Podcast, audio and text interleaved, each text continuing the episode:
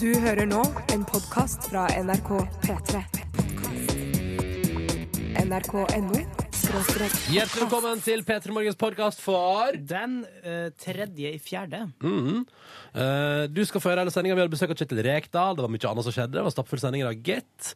Eh, Og etterpå, eh, når vi er ferdig liksom å vise deg dagens sending uten musikk og sånn, så kommer det et bonusspor eh, som er kun for deg som har lasta ned den- denne her MP3-fila. Så vi snakkes der, da.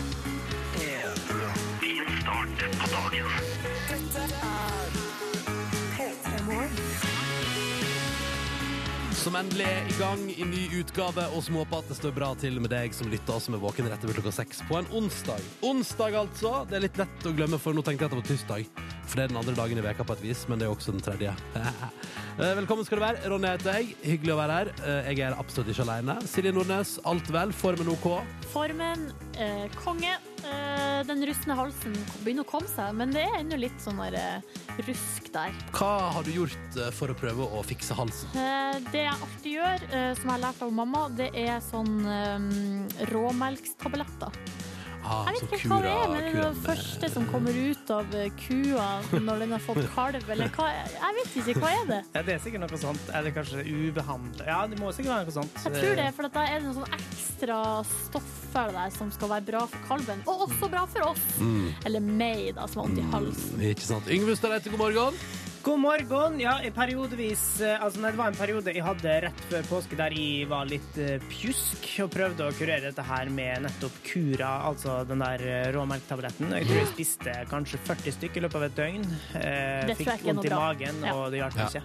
For det har tabletter, eller så, ikke tabletter, men pastiller har jo alltid lakserende virkning. Ja, ja. Og det husker jeg det tok lang tid før jeg lærte, men da jeg lærte det, så begynte jeg å begrense mitt pastillinntak. Mm. Det var ikke en pastille, det var jo faktisk tablett, som du sier. Det er sånn tyggetablett. Sugetablett. Sugetablett. Mm. Suge eller tygge, gjør akkurat sånn som du vil med den. Ja, yeah. Men eh, hva var det jeg skulle si? Jeg vet ikke. Jo, prøv å slakke litt på det skjerfet du har rundt halsen, du, Silje, så kanskje du ikke har så rar stemme. ja, for det indikerer at hun halvveis kveler seg sjøl. Ja, ja. Det var en spøk, Silje. Ikke bli fornærma. Ganske dårlig spøk òg, for jeg har et Syns du? kjempeløst skjerf som jeg har på meg, er så løst Nei, det var en at elendig det ikke spøk. funker som et skjerf. Ja, engang. eh, og vi skal, i dag er det en alvorssending der vi ikke skal skratte av ting for, for liksom å, å mjukne opp stemningen. Jo, det skal vi. Ok. Ja, vi Flir da, skal det. Silje, når de sier 'slakk litt på skjerfet', da, frøken. Ja, når den, på en måte, ja, ja, ok. Ja. Vi stopper det der, vi, tenker jeg. Og så går vi videre i radioprogrammet P3 Morgen, og det Mm. skal vi gjøre med en moderne klassiker fra 90-tallet. Vi skal til denne her, vet du. Ifra Soundgarden. Dette er Black Hole Sun, og det er onsdag, og det er snart helg, og dette går bra. Og du er våken og hører på, og det setter vi pris på. Vær så god. Soundgarden på NRK P3. Black Hole Sun. Spellemannvinnerne Carpe Diem på NRK P3. Dette der var Toyotaen til Magdi. Tre minutter på halv sju. God morgen til deg som hører på. Dette er det P3 Morgen, som er inne i radioen din fram til klokka ni i dag. Og skal prøve å gi deg en mjuk og fin, og kanskje innimellom også litt brå, men deilig eh, start på dagen. Mm, mm, mm. Vi må rekke ei låt til før vi skal innom nyhetene. Vi må det. Har du noe spesielt på lager? Det er nettopp det jeg har. Eh, min favorittlåt for tida, som jeg altså hører altså, så masse på på privaten. Uh, tenker at det er på tide å høre litt på den på radio også. OK. Ja, ja, ja. Dette er jo Ghost Beach, da. Uh, som også har denne utrolig fengende låta her. Som heter Close Enough. Og den tar vi med oss fram uh, mens vi bikker halv sju. Fordi den er så latterlig, latterlig bra. Close Enough! Seks minutter over halv sju. Riktig god morgen. Dette der var nydelige The Welt av Deadmouse og Chris James med også. Og synger på da, for Deadmouse han står kun for musikken. Uh, og når han spiller live Deadmouse, så står han da rigga Altså han har den feite riggen, da. Ja. For da står han der liksom Uh, Og og så er det bare sånn svært sånn plattform som er forma som et uh, musehode. Og har du vært på konsert? Jeg har vært og Eller jeg prøvde. På festivalen for to år siden prøvde jeg å se Deadmouse, men det skulle alle andre også. Så det var liksom sånn Du kom, du kom Hadde ikke liksom plass til deg på det var, ikke, området? var ikke plass til meg på området, så jeg gikk liksom forbi bak der og var litt sånn sur og bare Ja, er having their time of their life der nede. Ser at det er god stemning. Jeg vil også- være med. Ja. Jeg tror ikke du prøvde så hardt, jeg. Å jo, jeg var til, jeg var til stades. Oh, ja, ok. Hoppte på eh, å få med litt grann dansbar musikk.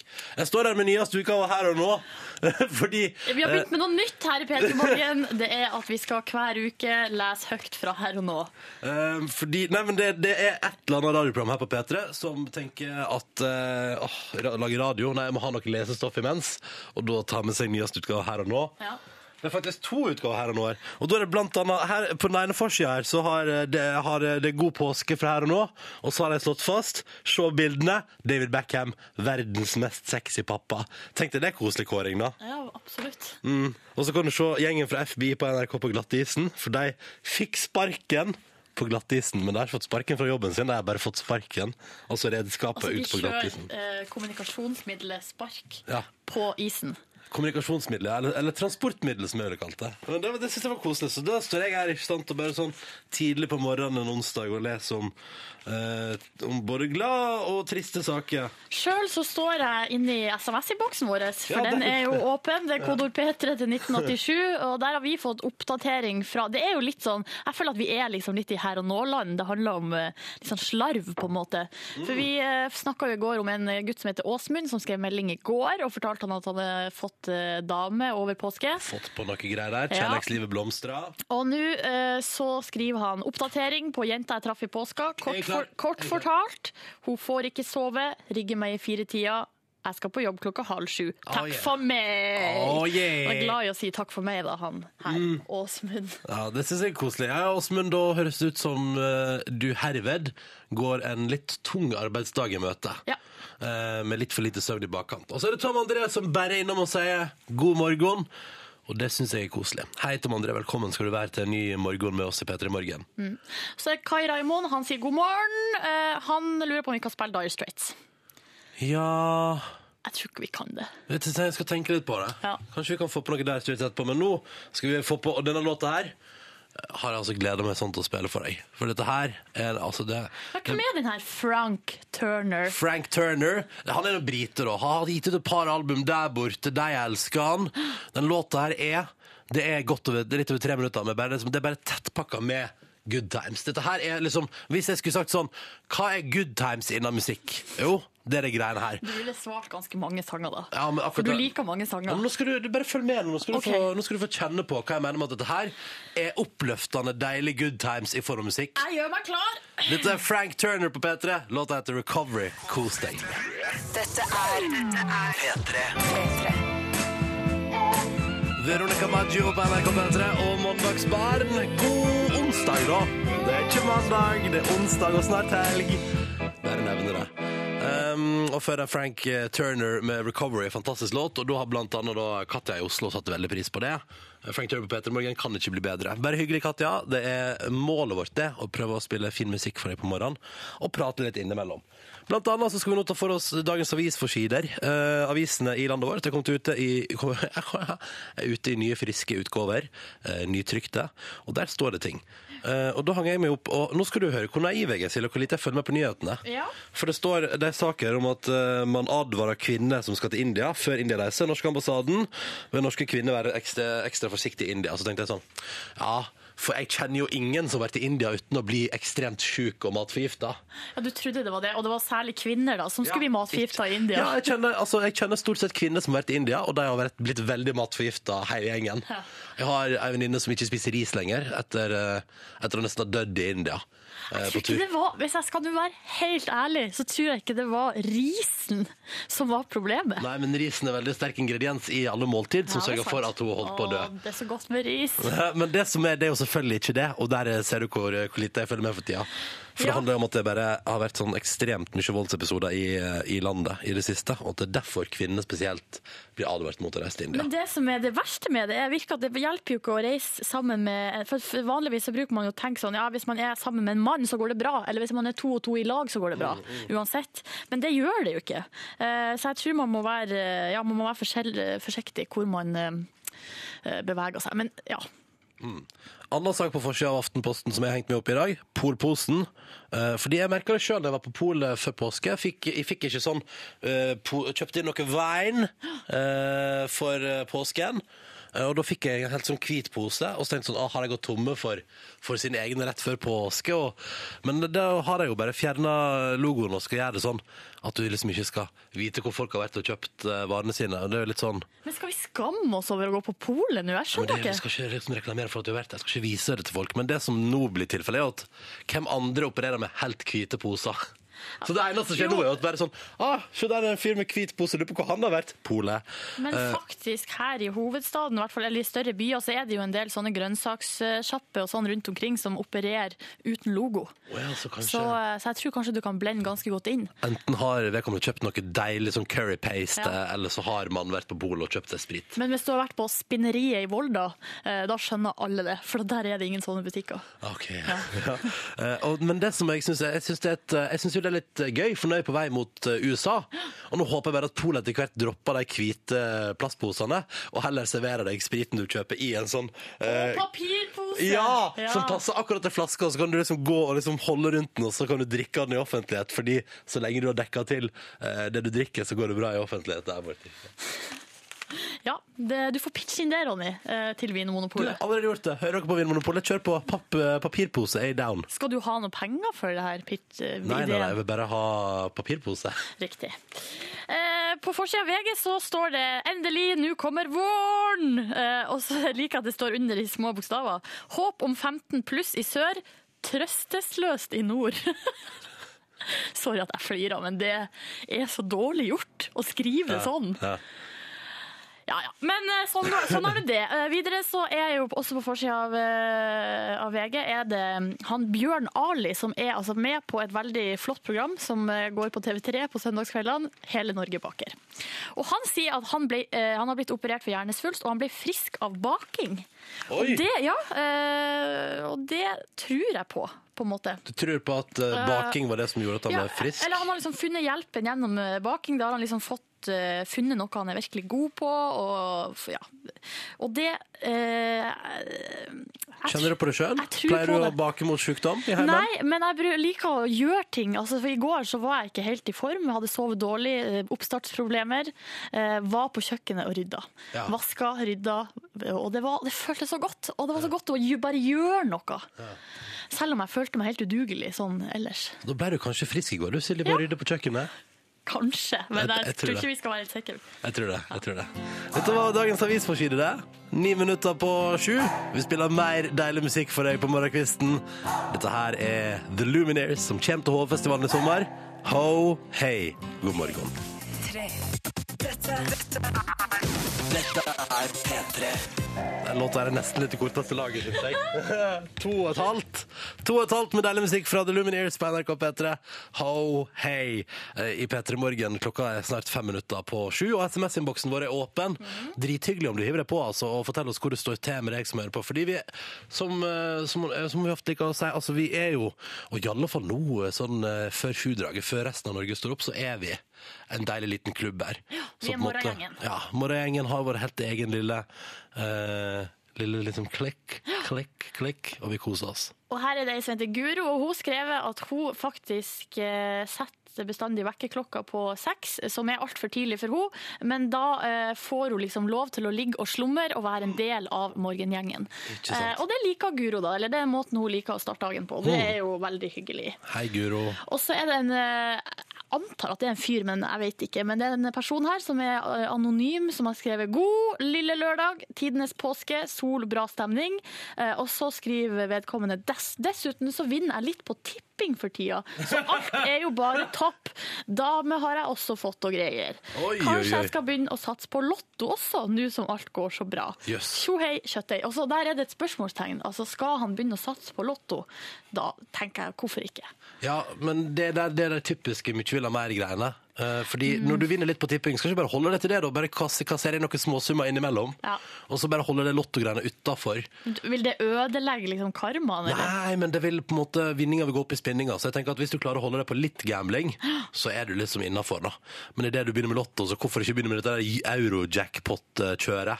Ja, riktig. Ja.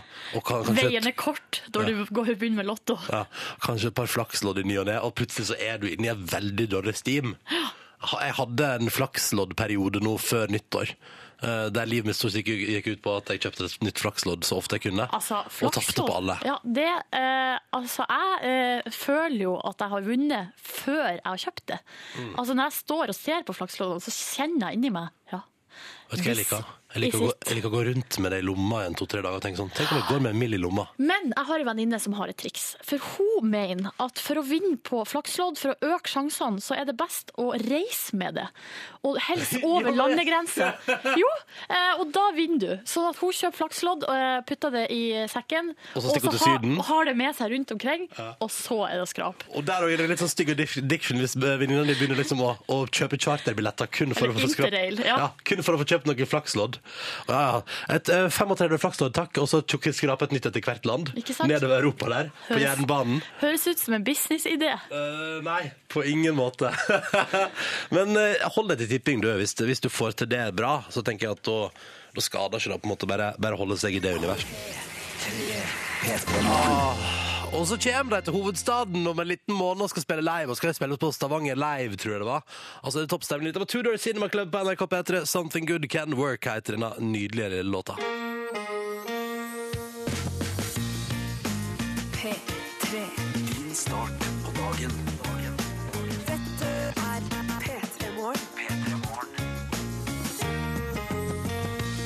Seks minutter over sju. Håper at det står bra til med deg. God morgen til alle der ute i det ganske land som har radioen på, og som hører på P3 Morgen. Det setter vi pris på. Jeg heter Ronny. Hyggelig og flott å være her sammen med deg. Jeg har på meg T-skjorte i dag som eh, blir sjølysende i mørket, så i dag skal jeg prøve å unngå mørket. Fancy! Nei da, det ser bare for dumt ut når jeg plutselig lyser opp i et mørkt rom. Det er litt sånn Jersey Shore-aktig. Nei, nei, du, du. Jo, for at det der har du, når det er blacklights og sånn, så føler jeg at de guttene der lyser i mørket. Det som er, det som er gøy, var at jeg visste ikke om det første gang jeg kjøpte den. Så du vet, det, det er liksom følelsen når det er sånn Hva er det som lyser opp her? Det er meg! Ja. Ja. Jeg har sånn på klokka mi, men det er ikke like iøynefallende. Sjøl så har jeg på meg, jeg har på meg favorittskjorta mi, som er sånn burgunder. Jeg har den Ja, åpen i dag. Silje Nordnes, du er fin i den burgunderskjorta di. Takk. Og så har jeg faktisk på meg en langerma og litt sånn lang hvit genser i dag. Fordi at jeg syns det er litt kjølig. Rett og slett. De sier at våren er på vei. Jeg tror ikke på det, for det er ganske kaldt ute. Gi det en måned til, du, så skal vi begynne å, begynne å snakke om det. Og så står jeg her med VG i hånd, fordi jeg har eh, kommet over en notis her som eh, vekte min, eh, hva heter det, mitt blikk og trakk meg til seg. Nei, uff. Ja, hva, er det, hva er det da? Hva er det da? Tittelen er 'Stjal sexleketøy og glidemiddel'. Ah, hva er det nå som skjer? Har dere vært på kondomeriet, da? Ja, Frekke tyver brøt seg inn og stjal en rekke pikante gjenstander fra den erotiske butikken nummer én i Skien. Ah, i Skien også, ja. Og så er det en ansatt her som har bor rett over og hørt noe smelling og sånn fra butikken, og skriver eh, og sier de har tatt litt av alt utenom gutteting. Å ja, vil ikke Å ja, så Og så er det liste over alt de har tatt. Det er glassdildo, sexhuske, massasjeolje, vibrator, strømper, filmer, glidemiddel, potens, potensmiddel og stimulatorer. Og hva av det her er det som ikke er gutteting? Nei, det er vel sexhuske, da. Skikkelig jentete. Jeg vet ikke helt. Uh, men det som jeg Vet du hva jeg tenker? Og I hva, alle hva skal jenter med potensmiddel? Nei, jeg vet du hva. Men, og jeg, tror nok at, jeg tror nok at det er litt gutteting i det. Men det som jeg synes er gøy, er at um, alltid ellers når det er innbrudd, så tenker jeg vinning, vinning, vinning. Ja. Her skal man tjene penger. Hva Men- skal de med det her? Nei, men fordi når det, er når det er innbrudd i sexleketøybutikker, så tenker jeg alltid at turte ikke å gå inn på dagtid og kjøpe det. Måtte bryte seg inn og stjele det om natta. Hadde så lyst på den sexhuska. Må ha den sexhuska. Og så bare tenkte jeg sånn, når jeg først er her, tar jeg bare med meg alt det andre, bortsett fra guttetingene. Ja, bortsett, ja, ja. Så den filmen der ser spennende ut. Den, jeg tar med den også. Jeg. Å, glassdildo, stas!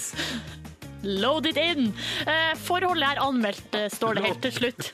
Det var ikke no pun intended, som det heter. Ah, P3 Morgen, altså. Vi skal holde stand i radioen fram til ni. Håper du vil være med på færa. Nå med TLC, No Scrubs. God morgen. Dette er P3. P3. 12 over 7 med TLC og No Scrubs på NRK P3. Straks skal du få en helt fantastisk eh, eh, låt fra The Deer Tracks. Det er bare å glede seg. En, altså, det, blir, det blir en opplevelse. Men først her i P3 Morgen nå, 12 over 7. God morgen, Yngve Hussereite. God morgen! Ja, det er godt å, å høre at dere er i humør, for det er jo jeg òg. Og så gjør ikke jobben min så mye, mye vanskeligere når jeg nå skal presentere litt søte nyheter fra verden rundt. Skal vi kjøre i gang? Eh, ja, vi kan godt bare gjøre det med den morsomme lille lyden her.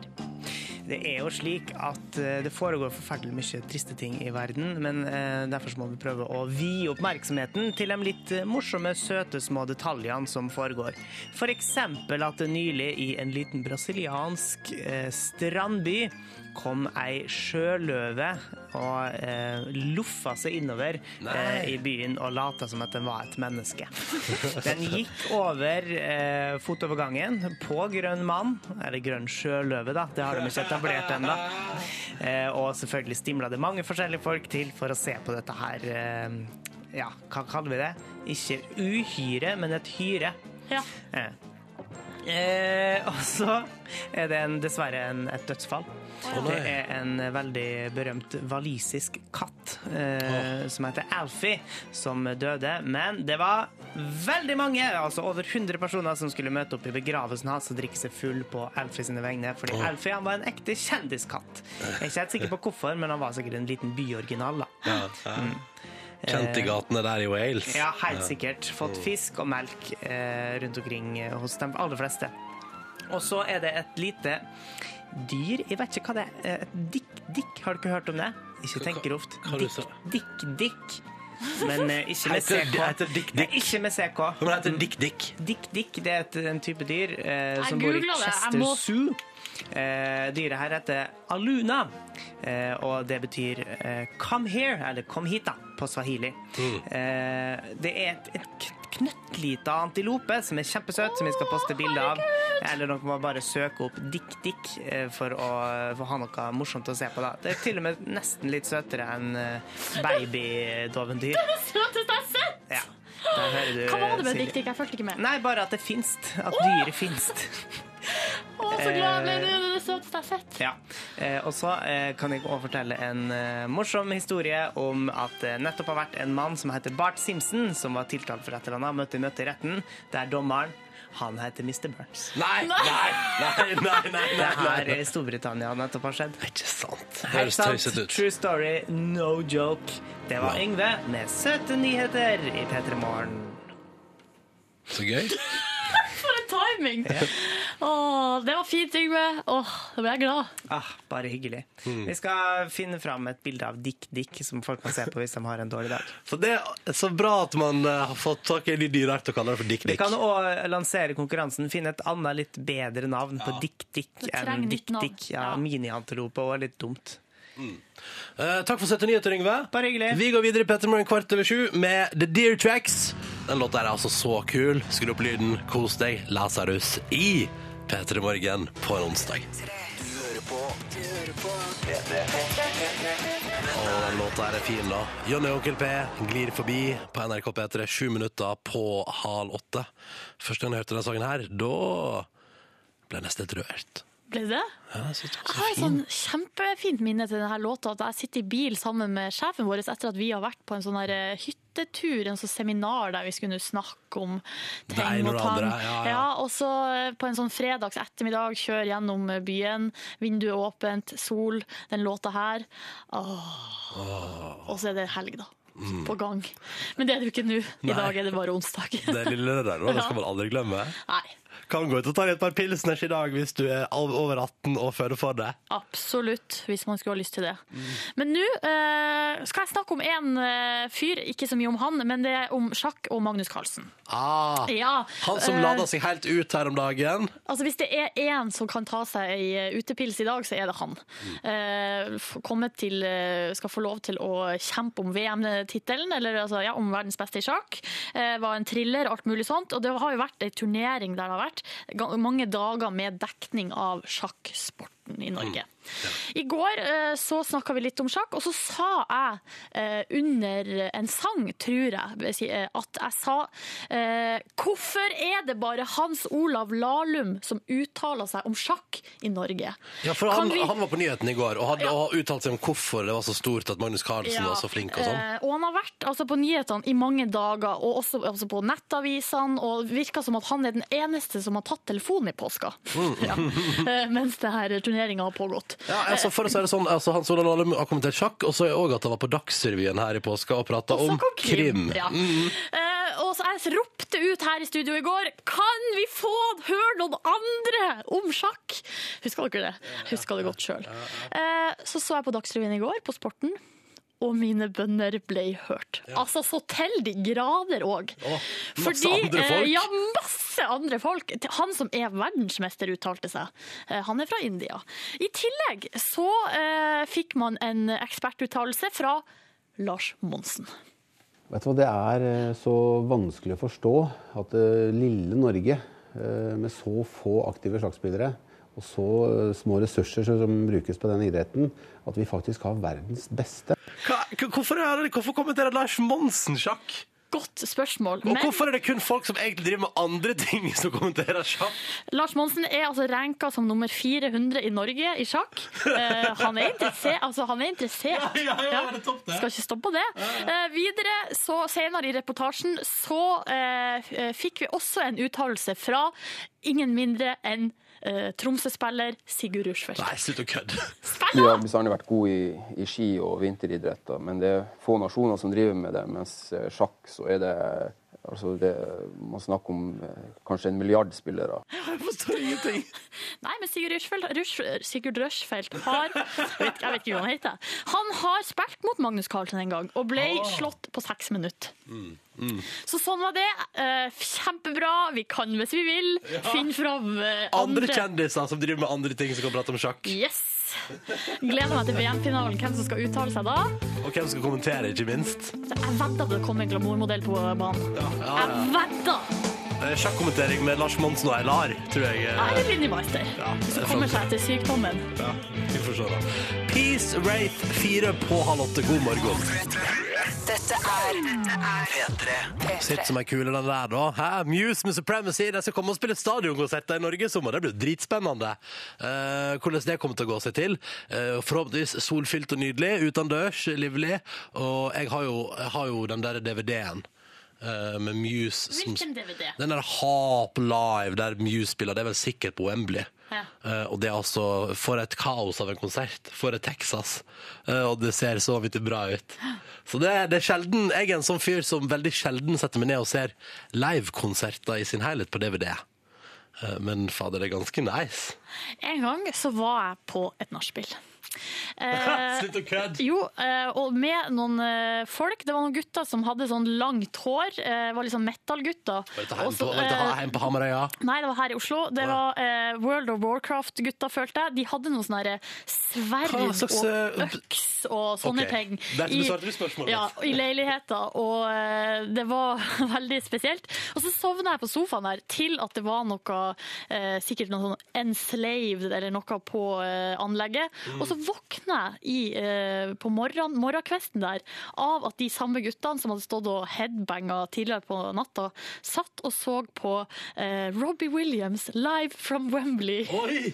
Og det var det beste de hadde sett ever! Det var liksom Det var en så absurd opplevelse, og de hadde lagt fra seg sverdene og øksa og sånn, og bare satt og Klipp håret litt grann og bare nå koser jeg seg med Robbie Williams på Wembley. Hadde ikke det, men også var det sånn dyp eh, ja, Det føltes dypt der og da, det var vel alkoholen som eh, gjorde det, men at det var analysering av Robbie Williams og hvor bra det var og sånn.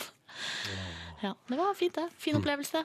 Lars, god morgen til deg. Hører på oss i fjøset, der du akkurat nå har tatt imot eh, en kalv fra ei ku som Så det ble en veldig nett eh, liten kukalv. Lurer på om vi har et navneforslag. Silje, Hva- hva- Var skal det vi se. dumt? Nei, men jeg bare lurer på hvis du, hvis du kunne tenk litt videre. Jeg bare lurer på hvis du liksom kunne komme på noe annet, da.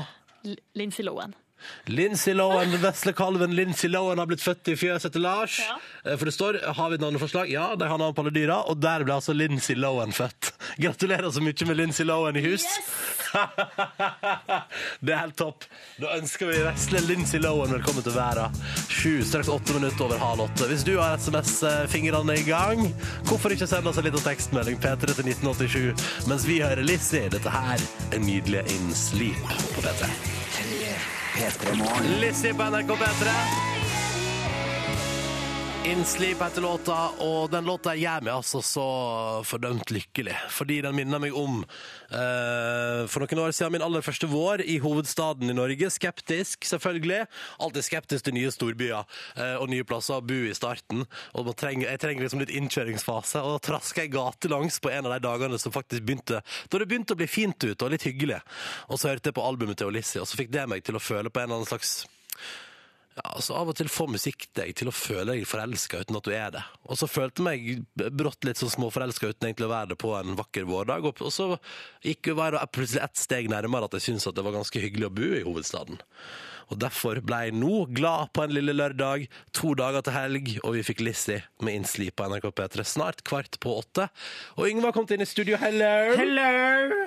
Ja, eh, jeg skal snakke om et bitte lite fenomen. For jeg eh, kom over en video. Eh, Dere vet at det ligger jo alltid rørende og fine videoer ute på internett som man kan kikke på. Ja. Ja. Eh, Og det her var en veldig rørende video i utgangspunktet, der det er snakk om ei dame som heter Amy, som er døv. Hun er født døv og aldri hørt noe som helst. Og så eh, har hun fått en slags hørehjelp hos doktoren, legen eller eh, noe sånt, som eh, skal gjøre at hun kan høre for første gang. Eh, og hun har annet en sønn med seg som hun skal få høre stemmen til for første gang. Og faren til Amy er òg med i denne videoen. Eh, Det er det videoen skal handle om, at hun skal høre om høre familien sin for første gang. Eh, Men selvfølgelig, det her er en stor begivenhet, så de har annet med en slektning på telefonen, som òg skal overvære dette her, som ikke rakk å være med. Kanskje hun sitter i Nebraska eller Minnesota eller noe sånt. da. Eh, Som ja, kan si at To hun- stater er vanskelig å komme seg fra og til. ja, eh, du kan si at hun, eh, hun ødelegger kanskje litt stemninga, og i hvert fall når det er sikkert dattera hennes som, eh, som administrerer telefonen, kan bare høre hva som foregår i bakgrunnen, når altså Amy skal høre faren sin snakke for første gang. Can you hear my voice? My voice? Can you hear it? Different from before? You know, before, now? Quiet. So different, you? Det er veldig typisk at det alltid skal sitte noen som, eh, skal, som det handler mer om den personen på telefonen, eh, og som bare ødelegger øyeblikket litt. Jeg hø hø hører ingenting! Kan du snakke litt høyere? Ikke sant? Eh, Men da liker er jeg også at de som kaster seg på, og sier sånn Hold kjeft! Ja, ikke sant? For det er klassisk datter... Ja. datter Du er på telefonen! Ja. Det er veldig søtt. Veldig søtt. Takk for dette fine lille, lydklippet på morgenkvisten, Yngve. Vær så god, Ronny. Kvart på åtte, vi spiller fine nye til Håkan Hellstrøm. Det kommer aldri være over for meg. Svensk skal jeg aldri prøve på igjen. Uh, jo, det kommer til å gjøre, for jeg må si den tittelen der flere ganger. God morgen til deg som hører på. Du hører på P3. Susanne Sundfør og Røyksopp sammen, og låta som heter 'Running to the Sea' på NRK P3, seks minutter på åtte. God morgen og god onsdag. Hei, hyggelig at du hører på oss. P3 Morgen her, fram til ni, inn i radioen din. Og nå er det bare en liten ting jeg har lyst til å ta opp med deg, Ronny. Og Yngve har også kommet inn i studio. Ja, hei. Fordi, Ronny, i påska så fikk jeg og Yngve en SMS der det står Hei, Silje og Yngve. Vil bare informere om at jeg og Ronny har inngått en avtale. Han får drikke brus lørdag og søndag, eh, altså, og ikke da mandag til fredag. Og må spise fisk én gang i uka de neste fire månedene. Ja, det stemmer. Da betaler jeg et, eh, en fly og opphold til en helg eh, i en storby i Europa. og det her er altså fra en person som står deg nær, eh, som skriver at eh, det er ikke, det er ikke slektskap. Eh, Det er ikke slektskapsrelasjoner. det, det som ja, det, det, altså, jeg kjenner at det som gjør meg flau nå, er ikke det at dere tar opp at jeg har fått den teksten, men det med den avtalen høres veldig sånn trist ut på. Ah. Hvorfor Nei, er men det vet du hva? Eh, Ja, hvorfor er den trist? Å ja, altså det er kostholdsavtalen? Ja, ja. Ikke, ikke destinasjonen? Nei, nei, nei. nei, nei. Nei, for det er ikke svære greiene her du må gjøre. Nei, nei, nei, nei, nei. Kan jeg bare si, kan Ja. jeg bare si altså Nå har jeg holdt på i to dager. Hvordan går det? Eh, uten Pepsi Max. Og det er jo, jeg har aldri hatt så lyst på Pepsi Max før i hele mitt liv. Ja, for I går så var det Game of Thrones-kveld med lasagne og gode venners lag. Ja, ja, det stemmer. Hvordan gikk, Hva drakk du? Farris Bris. Nei! Men du, det er jo bra, for det gjorde du jo på, på jobben i går også. Geir. Ja, ja, ja, drakk Farris, og det føltes litt så Det føltes litt så pinlig å sitte der og drikke Farris Bris. Ja, vi flirte jo av det. Ja, det gjorde jeg. Ja. Men Å, ja. når du var på Nei, eh, det. reise på mandag og var på, innom burgersjappa Quick, hva ja. drakk du der, da? Nei, da drakk jeg Farris. Jeg, jeg driver jo og trapper ned Pepsi Max-en og får på en grei Farris Addiction. Det er Så flink du er. Men da er du jo foreløpig veldig flink. Altså Foreløpig går det bra. Eneste er at det fiskemåltidet har jeg jo på en måte vurdert på mandag. Droppa det på mandag, vurdert ja. det i går, droppa det i går. Ja, for Jeg spurte det i går hvordan det der gikk, og så sa du at det var fortsatt seks dager igjen sa du, av denne uka her. Men har du en plan? Når skal fiskemåltidet inntas? Jeg veit ikke. I dag, kanskje? Men hva fisk er det snakk om? Jeg tror jeg, jeg tror jeg må begynne med laks, altså. Ja, er ikke det altså, er ikke det, det, dere- er ikke det det greieste? Jo, jo, men skal du sitte hjemme og brekke deg alene, da? Det er jo veldig greit at folk slipper å se på at jeg brekker meg. Ja. Men hvem er det tillit, ærlighet og tillit det her? Du må Instagram det, det vet du. Det er jo, altså, det er jo derfor Ja, ja altså, det er jo derfor dere to har fått tekstmelding. Ja, det er derfor vi har fått tekstmelding, fordi vi har fått beskjed om å hjelpe til å passe på, og det er derfor vi nå òg sier det ut til alle som er med i våre, gjengen vår, at dere må være med og passe på hvis dere ser Ronny drikke brus. Ja, da er det arrest. Da er, da er det arrest, Ja. Eller- fordi, at, fordi at eh, den andre, altså baksiden av medaljen er jo at hvis jeg ikke får det til, så skal jeg betale reiseopphold. Og da er det også lagt inn krav om bedre hotell, Oi! altså høyere stjerner, og at jeg visstnok skal betale for shopping. Å, Å, herre jemini! Ja vel. Så dere skal på tur uansett? Det blir tur, ja. Ja, men OK. Ja. Men, du, okay. men, men da, da går det på samvittighet, for at du kommer til altså, akkurat Altså, jeg har sjekka hands, jeg hands på dette her. Så Ja. det er liksom, dette må jeg bare, jeg bare Jeg bare vet ikke. Altså, det Pepsi Max-greiene går for, det blir bra, men jeg kommer til å bygge opp en grei Farris addiction, og så er spørsmålet Jeg tror ikke du kan bli avhengig av Farris. tror du kan bli avhengig av Farris. Ronny, eh, var det du som fant på det med fisken? Jeg kan se for meg at du fant på det med brusen, for at du finner på sånne ting hele tida, at du skal forandre livsstil og sånn. Jeg skjønner hva du mener med det. Fant, opp, fant du på det med fisken sjøl? Nei, det kom Det var et forslag Det var over noen øl. Ja. Det var det, ja! OK, det forklarer alt. Men du, da uh, føler jeg vi skal, uh, vi skal hjelpe til å passe litt på det her nå. Så hyggelig. Og så syns jeg at du burde uh, først og fremst nå finne en plan på når det fiskemåltidet skal inntas. Jeg skal prøve på det i dag. Hvis ikke så blir det søndagskveld. Det vet du jo. og da blir det jo ekstra trist. Ja. Ja. Men på søndag er det å drikke Pepsi Max, da. Ja, ja, ja, det Så da kan jeg jo svelge fisken med noe Pepsi Max. Hvis du har gode fiskeoppskrifter som er fryktelig fryktelig enkle å lage, så er det bare å sende p3morgen etter nrk.no. Jeg tar imot med takk. Du, makrell i tomat i kantina i Nei, dag, Ronny. nei, Makrell nei. Ja, det telles ikke som et måltid. Nei, og det teller ikke som fisk, ass. Unnskyld meg. Uh, takk for at dere nevnte dette hele Norge. Det setter jeg veldig pris på. Bare hyggelig. Nå føler jeg at det er tusen øyne som ser meg til hver tid. Kan ikke snike meg unna å drikke noe Pepsi Max nå. Tusen ører som hører. Ja. Skal vi spille noe Imagine Dragons, eller? Mm. Ett minutt på åtte. Her er Demons. P3. Riktig god morgen og god onsdag. Dette er P3 Morgen som har fått besøk. Kjetil Rekdal, velkommen. Jo, takk for det. Um, aller først, uh, vi har fått inntrykk av gjennom media at uansett hvor du går, uansett hva du gjør, så får du servert pærebrus. så vi har selvfølgelig ordna pærebrus. Tenkte at det, det, det må være på sin plass, må ikke det? Jo da, det, og jeg drikker ikke så mye som folk tror, da. Det, men eh, det eh, å ta seg et, eh, en, en, en flaske pærebrus, det, det har jeg gjort en del ganger. Vil du ha glass eller flaske? Jeg tar det i glass. Tar det glass, ja. Nå er det sånn at Ronny her, han får ikke brus. Han får ikke brus. Får ikke lov å drikke brus eh, på hverdager. Det er en ny avtale som har blitt gjort. Men jeg og du, Kjetil, vi kan kose oss. Ja. Vær så Takk skal du ha. Åh, pærebrus med så godt. det er, ja. Eh, Men, men eh, jeg skulle si, ja, jeg, jeg har den regelen. Men jeg har forstått sånn at du nå som, som ny trener i Vålerenga har innført noen greie ordensregler der òg? Ja, det er litt på ba bakgrunn av det som eh, var fjorårssesongen, selvfølgelig. Det var eh, en evaluering som ble gjort, og så har du jo liksom det at eh, hvis du vil komme til topps i, i fotball og, og idrett, så må du leve deretter. Og da ble det ganske greit å, å sette en standard. Men det er litt sånn, jeg forstår det sånn, det er litt sånn ikke lua på under måltid og ingen snus på jobb og sånne ting. Det er litt, det er litt sånn eh, ordensregler, rett og slett. Ja, det er det. Er det. Så det men det er ikke sånn at, det, det, at vi er totalt eh, rigide heller. Det er, vi har satt en standard, og så er det selvfølgelig sånn at vi er mm, sosialt anlagt, vi, og at det er mulig å, å, å gjøre ting eh, til rett tid. Ja, ikke sant. Treng, men trengte spillerne litt sånn Har det blitt for slapt i Vålerenga-stallen? Ja, ikke, ikke sikkert bare spillerne trengte det. Jeg tror hele klubben trengte det. altså, det har gått litt uh, trått de siste åra, og det har vært mye ja, mange utskeielser, på en måte. Og det, hvis du skal ha sponsorinntekter, hvis du skal fremstå som en seriøs, profesjonell eh, fotballklubb, så må du bare sette en standard som, eh, som folk må forholde seg til. Det, det, det tror jeg er viktig. Hvordan ville en ung Kjetil Rekdal forholdt seg til sånne regler? Veldig greit. Ja. Jeg har eh, vært ganske disiplinert eh, hele livet, for så vidt sånn jevnt over. eh, Så det, og jeg veit hva jeg har måttet ofre for å få den karrieren jeg har fått som spiller, da, vel å merke, med proff i tolv år og, og alt det der, og så og så mange landskamper og, og så videre. Så det krever en del for å komme dit, og da må du bare sette den standarden så for å gi den muligheten til at andre skal klare det.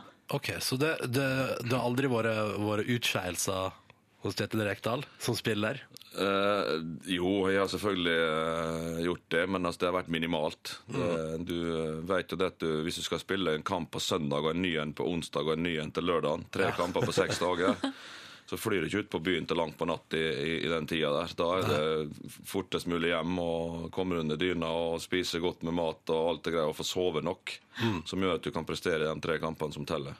Det høres litt kjedelig ut, er det lov å si det? Ja, men det er jo ikke sånn hele tida. Men, det, det, men jeg tror at når du, når, du, når du vinner noe, så er det verdt det. Ja. Og dere vant jo på mandag eh, mot Sogndal. Ja, det er én kamp, da. Vi har Ja. seier og ett tap i år, så det, vi må jo få et bedre snitt enn det. Eh, Men nå er sesongen så vidt begynt. Vi ser jo Molde, som ble seriemester i fjor, har starta med to tap, så det, det er tidlig ennå. Det, det kommer nok til å jevnes ut veldig etter hvert. Du, nå, jeg lurer på det, fordi mm, Apropos det, da, innenfor fotballen. Vi, vi hørte tidligere i dag tidlig intervju med Ole Gunnar Solskjær på, eh, på radioen der det var sånn Nei, nei, ingen panikk og sånn. Er det lett å bli litt panisk hvis det er litt sånn motbør? Jeg tror ikke treneren og spillerne er like paniske som supportere og, og klubbledere, for de ser på tabellen allerede. ikke sant? Og nå ligger vi der, og de andre der. Det, og og det har jo noe med, med et serieoppsett å gjøre, og hvem møter du? ikke sant? Hvis du møter kanskje antatt beste lagene da, i, i begynnelsen, så er det en stor sjanse for at du får lite poeng. Eh, og, og andre veien òg, at hvis du møter litt svakere lag, så kanskje tar du de poengene som du ville tatt normalt sett midt i sesongen. Da, så at du, du får en kunstig tabell da, i utgangspunktet. Men nå ligger jo Rosenborg øverst, så det er vel ikke noen overraskelse at de er en kandidat til å være der. Ja, Hvem vinner i år? Jeg har jo sagt Molde hele tida, fordi at de har vært best i to år. Mm. Og hatt eh, den beste spillestallen, den største spillestallen. Nå har Rosenborg kjøpt seg opp, og det er klart at Rosenborg er veldig gira på å ta tilbake eh, hegemoniet og, og vinne gull igjen. Så det står nok sikkert mellom dem to, selv om nå Rosenborg har fått et eh, forsprang på seks poeng på Molde. Hvor ender Vålerenga i år, da, med deg som trener? Nei, vi, vi kommer til å bli bedre enn i fjor, iallfall. Det er jeg helt okay. sikker på. Så, eh, og og, vi har ambisjoner om å vinne gull. Eh, Men vi vet òg at vi er nødt til å bygge opp et nytt lag eh, og begynne på nytt igjen etter to sjuende, eller en sjuende- og åttendeplass eh, de siste to åra. En stor gjennomtrekk av spillestand, så vi, vi må bygge litt. Eh, Men ambisjonen er uten tvil at vi skal havne på toppen til slutt her. Ja, Og i alle fall bedre enn i fjor. Ja, det er en selvfølge. Eh, Kjetil Rekdal blir sittende, vi skal prate mer med deg. Og hvis du som hører på har spørsmål du vil stille til Kjetil, send det inn. Kodeordet P3 og nummeret 1987.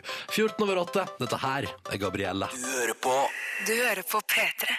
Kjetil Rekdal er på besøk hos oss i P3 Morgen denne onsdagen rett over påske. Bra påskefeiring. Får man, når man spiller kamp i påska, så er det kanskje ikke så mye Ikke så mye fri, nei, men vi hadde, vi hadde to dager fri på skjærtorsdag og langfredag. Vi, vi var nødt til det. Så um, vi må tenke litt på barn og koner og familie og så videre i påska. Der må Fotballfamilier må også oppleve at det finnes noe som heter påskeferie. Ja, det, det tror jeg, for det er en lang sesong, og det, det er viktig at du finner tidspunkt å ta kobla litt av. Får spillerne påskeegg fra Vålerenga-ledelsen? Nei, men uh, det kan hende de burde fått det. Ja, det synes jeg. Det var sånn kosegreier, liksom. Ja, nå skal vi være sunne og friske, da, så vi kan ikke liksom hive inn på mye usunt heller. Men hender det at det er litt sånn kosestemning? At det er litt sånn eh, Taco på fredag, eller? Ja, ja, fredagstaco. Eh, Ja, det er jo bursdagsfeiring. Det er jo, det er jo forskjellige tradisjoner i, forskjellige, i alle klubbene, egentlig. Ja. Noen eh, må bake kaker sjøl, men eh, det er jo det er mange like arrangement som pågår bak lukka dører. Hvordan er det i Vålerenga, da? Jeg er ikke sikker på hva spillerne har funnet på, men eh, jeg hørte det at det var viktig at den som har bursdag, måtte ha med seg et eller annet og presentere. Litt sånn som i barnehagen. At Ja, man det, har med det det, kaka sjøl. sånn. Ja, men det, det fotballgarderobe er en barnehage. Ja, men Det tror jeg på.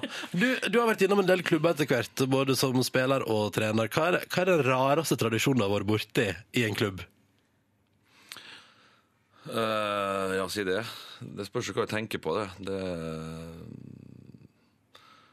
ja, muligens i, eh, i første perioden i Belgia, når jeg hadde han Bari Hulshoff som trener. Når han kom inn i rommet, så måtte alle reise seg opp. Yes. Nå kommer kongen, liksom. Ja, det, det, det var veldig spesielt. Men eh, det er jo ja, men, altså, Du blir jo vant til det. Det er jo på en måte en, en, en vanlig folkeskikkregel i den garderoben som, som en standard. Jeg så vi fikk spørsmål fra en lytter på SMS her. Hvordan er stemninga i f.eks. Vålerenga-garderoben, sånn ca. et kvarter før, kampen, før kampstart? Den Jeg tror ikke er så ulik der i forhold til mange andre fotballgarderober. Jeg tror det, det prates om det samme, og det er fokus på mye av det samme inn mot kampstart. Eh, Detaljer, arbeidsoppgaver, ja, oppfyring av eh, spenningsnivå, og, prøve å, treffe riktig på det. Så det Ja, det lurer på, Må du som trener alltid liksom ha sånn filmtale? Sånn at det er liksom voldsomt og stort og pumpende før eh, kampen der? Nei, det må det ikke. Men eh, det, det, du, du- du jobber jo for så vidt eh, mellom kampene med, med å få opp eh, det riktige tenningsnivået mm. og riktig inngang til kamp, eh, taktisk og strategisk, slik at når spillerne starter kampen, så blir det som oftest forhåpentligvis da, sånn som du har sagt at det skulle bli. for det, det, det skaper en enorm trygghet for dem. Men litt sånn uh, utradisjonelt, kanskje. Men hva med å ha med seg boomblaster med sånn musikk i bakgrunnen? Som er sånn oppbyggende. Litt sånn uh... Eh, det tror jeg hadde passa dårlig i fotballgarderoben. fotballgarderobe. Godt okay, mulig. da. Eh, Kjetil, vi tenkte vi skulle bli litt nærmere kjent med, med deg. Eh, så straks så skal Yngve, eh, samfylking med deg, eh, komme inn her. Så blir det et aldri så lite nakenbad i P3 Kjernen i P3 Morgen. Det bare gleder seg. Eh, men først så tar vi med oss Red Hot Chili Peppers. En liten moderne klassiker ni på halv ni. Dette her er Scar T-shirt. Red og Chili Peppers på NRK P3. Seks minutter på halv ni på onsdagsmorgen i P3 Morgen. Dette var Scar Tissue. Kjetil Rekdal er på besøk i P3 Morgen. Fått seg pærebrus. Eh, Det syns vi var på sin plass eh, når vi har deg på besøk. eh, For det har vi forstått med oss at du er fan av. Og så har Yngve kommet inn i studio. Ja, det har jeg. God morgen, Kjetil. God morgen, du. Ja.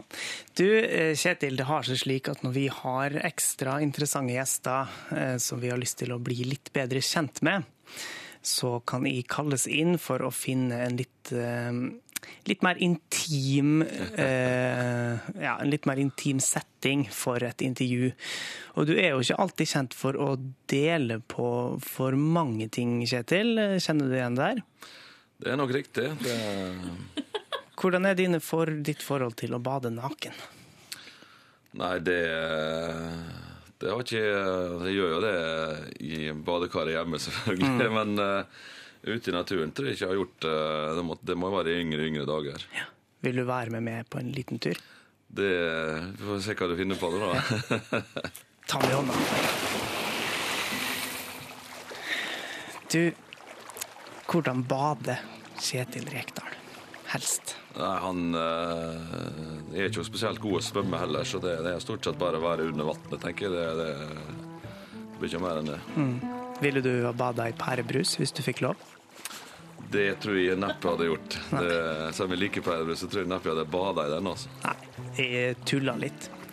Men du, Kjetil, når er du helst naken? Tja, eh, jeg har jo blitt mobba for at jeg bretter opp shortsen min når jeg går i sola. Da, så da er, liksom, da er det som jeg sier, prøver å få mest mulig sol på alle, så mye av mulig på kroppen. Så det, jeg er ikke redd for det. Jeg har jo noen fæle bilder av meg som har eh, Ja, det så jeg sette bilder av det der du har på deg en liten shorts som du har bretta opp for å brune lårene, sånn at den ser ut som en litt stor truse. Eh, Shortsen er ikke liten, men jeg har bretta den opp så den ser liten ut. Det er Ja. heller det. Hva gjør du? Hva føler du når slike bilder av det blottlegges på den måten der? Og når sånn Ivar Hoff og Daniel Landskog som sitter og flirer av det på internett? Ja, Det gjør meg ingenting. Det, det, jeg er ikke redd for å vise meg fram, så det, det, det gjør meg ingenting. Kommer vi til å se, få, få se mer av eh, naken Kjetil på Første året Nja, de har jo sagt ifra at det der vil de helst ikke se. Men første, første året jeg gjorde dette her, så ble det tatt ett bilde. Det var litt moro, da. Da ble det ganske fokus på det. Liksom året etterpå så ble det nei, vi må bare følge tradisjonen. Vi får gjøre det i år òg. Ble du litt avhengig? Nei, jeg ble jo ikke avhengig, men jeg tror de som var rundt meg, så ble jeg litt avhengig av det. Du, som fotballspiller eh, så er du vel vant til å vise deg naken for andre i Jeg tenker på dusj og, og sånne ting før og etter trening og, og kamp. Ja, det, det er klart det er ofte trangt i dusjen når vi står i kø og skubber på hverandre for å bli for fortest mulig ferdig. For noen skal hjem, og noen skal på andre ting. Og, Så det, det er aldri én dusj til hver. Kan du fortelle litt om noen dusjhistorier fra din karriere? Det kunne jeg sikkert gjort, men jeg tror ikke det er rette plassen å gjøre det her på radioen. Nei. Er det sånn at man står på hodet for å vaske seg bak og sånne ting? At man gjør litt snabelgøya? Eh, Det velger jeg ikke å kommentere. Har du stått på hodet? Jeg har eh, stått eh, helt vanlig normalt i dusjen. Ja, litt breibeint. Du, får du lov til å være med på dusjinga som trener? Ja, vi har jo ofte vi har, Treneren har jo nå ofte en egen trenergarderobe, men mm. dusjen eh, kan være den samme. Så det, det, det er jo mange diskusjoner som pågår der òg. Både om private ting og selvfølgelig også om fotball. Er du glad for at du fortsatt får være med på det samholdet? Ja, jeg tror det, altså det er dusjen som er viktig å være med på, det er en annen ting. Men altså det, det er viktig at en, en spiller og et, en trener, eller spillergruppe og en trener har et, eh, et, et best mulig forhold. Uansett om det stilles tøffe krav, så må de liksom prøve å finne en eh, metodikk og en, en arbeidsmetode som gjør at uh, trivselen er der. Ja. Nå gikk vi rett på teorien og, og det litt sånn praktiske. Du, jeg vil eh, ønske deg Eller jeg vil si tusen takk for et åpent intervju. Det var ikke så mye du kunne dele, men eh, litt var det. Det er jeg glad for. Takk, takk for intervjuet, Kjetil. Bare hyggelig. Dette er P3. P3. Bruno Mars på NRK P3, 'Locked Out of Heaven'. Når klokka nå er ni minutter over halv ni, og P3 Morgen har fortsatt uh, fotballegende og ny trener i Vålerenga, Kjetil Rekdal, på besøk. Eh? Fin onsdag. Ja, det er sol ute, og det er bra. Ja, og så er det trening etter hvert, antar jeg. Ja, vi skal ha trening nå halv elleve. Hvordan er gressmatta? Ullevål du tenker på? Eller vi, er, vi trener på kunstgress. Vi trener inne i Valhall foreløpig. Det har vært så kaldt òg, så det, vi gleder oss til å komme ut når det blir varmere og finere temperatur. Se opp for sur melkelukt litt rundt omkring. Ja, det lukter veldig rart. Lukter rart. Ja. Eh, Kjetil, vi skal bringe videre spørsmål fra lytterne våre, og det har altså kommet inn så mye gøyale spørsmål til deg. Ja, det er selvfølgelig mye om fotball. Så vi begynner med et som ikke handler om fotball. Hei, Kjetil. Hvilket realityprogram ville du valgt om du måtte være med på et? Hilsen Stigegutt. Ja, Det har jeg ingen anelse om. Jeg vet ikke, hva, jeg vet ikke alle realityprogram som går engang. Paradise Hotel. Der hadde jeg ikke vært med. Uh, Hele Norge baker. Nei, det er ikke reality. Nei, men kanskje Farmen? Jeg ser for meg at det, det er det mest jordnære reality-programmet. Jeg har, jeg har jo vokst opp på, eh, på, um, på gård med, med besteforeldre, eller bestefaren min og bestemor min. Men eh, det er jo ikke det er jo, Å leve 100 år tilbake i tid tror jeg jeg hadde slitt altfor mye med. Hva med Mesternes mester? For det er vi i gang nå. Der uh, har jeg blitt spurt eh, for en del år tilbake, men altså, problemet er at du har jo ikke tid. Nei. Fangene på hva heter det? Fortet. På, Fangene på fortet har jeg òg blitt spurt om. Så det, og, og til og med blitt spurt om uh, å være med på Skal vi danse. Åh! Men det, Og så sa du er nei? jo nei ja, det, jeg sa nei før de fikk fullført setninga. Så det, det kommer ikke til å skje. okay. Men, men Mesternes mester, der var det sånn at hadde du hatt tid, så hadde det vært aktuelt? Ja, Dette er jo en del år tilbake. ikke sant? Altså, det er det syns jeg er et artig program, for det følger faktisk med. Så, Ja. Men det er- vi, har vi er såpass mye i media ellers, så vi at det ikke er så farlig for oss å vise oss fram heller. Nei, ikke sant. Det går greit. Vi fortsetter med spørsmål fra lytterne. Ja, Erlend Agronom han spør Nå er det ledig jobb som manager i Leeds. Eh, Hadde du tatt jobben hvis du fikk et tilbud?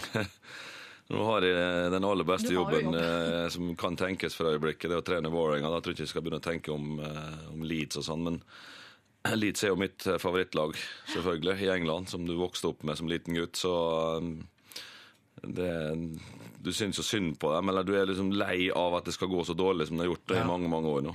Men har du noen vurdert å tenke sånn «Jeg Skulle jeg bare skifte favorittlag til Manchester United? Det kommer aldri til å skje. Men du, Premier League, er det noe du drømmer om? Uh, nei, men eh, Tja. Jeg hadde jo muligheten jeg var spiller til å gå hit bort, men det passa ikke min spillestil eller min type. så det, Derfor så ble det aldri aktuelt. Som trener så har jo alle en, en, en, en, drøm, en ambisjon, eh, selvfølgelig. Men jeg er like eh, fascinert av spansk fotball og tysk fotball som, som engelsk fotball blitt etter hvert. Men det å kunne få vært i England en periode, det, det er på en måte en drøm som har blitt sann hvis du fikk eh, jobbe der borte. Vi rekker et spørsmål til fra Et Spørsmål til. Hvilken verdenskjent spiller hadde vært en drøm å hatt på laget?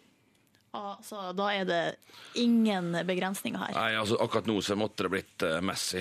Det han har gjort de siste åra, det, det tror vi aldri, aldri aldri får se igjen. Jeg vet at det har vært mange legendariske spillere i, eh, før i tida, men det Messi gjør nå i dagens fotball, det, det, det, det er helt vanvittig. Hvorfor er det så vanvittig?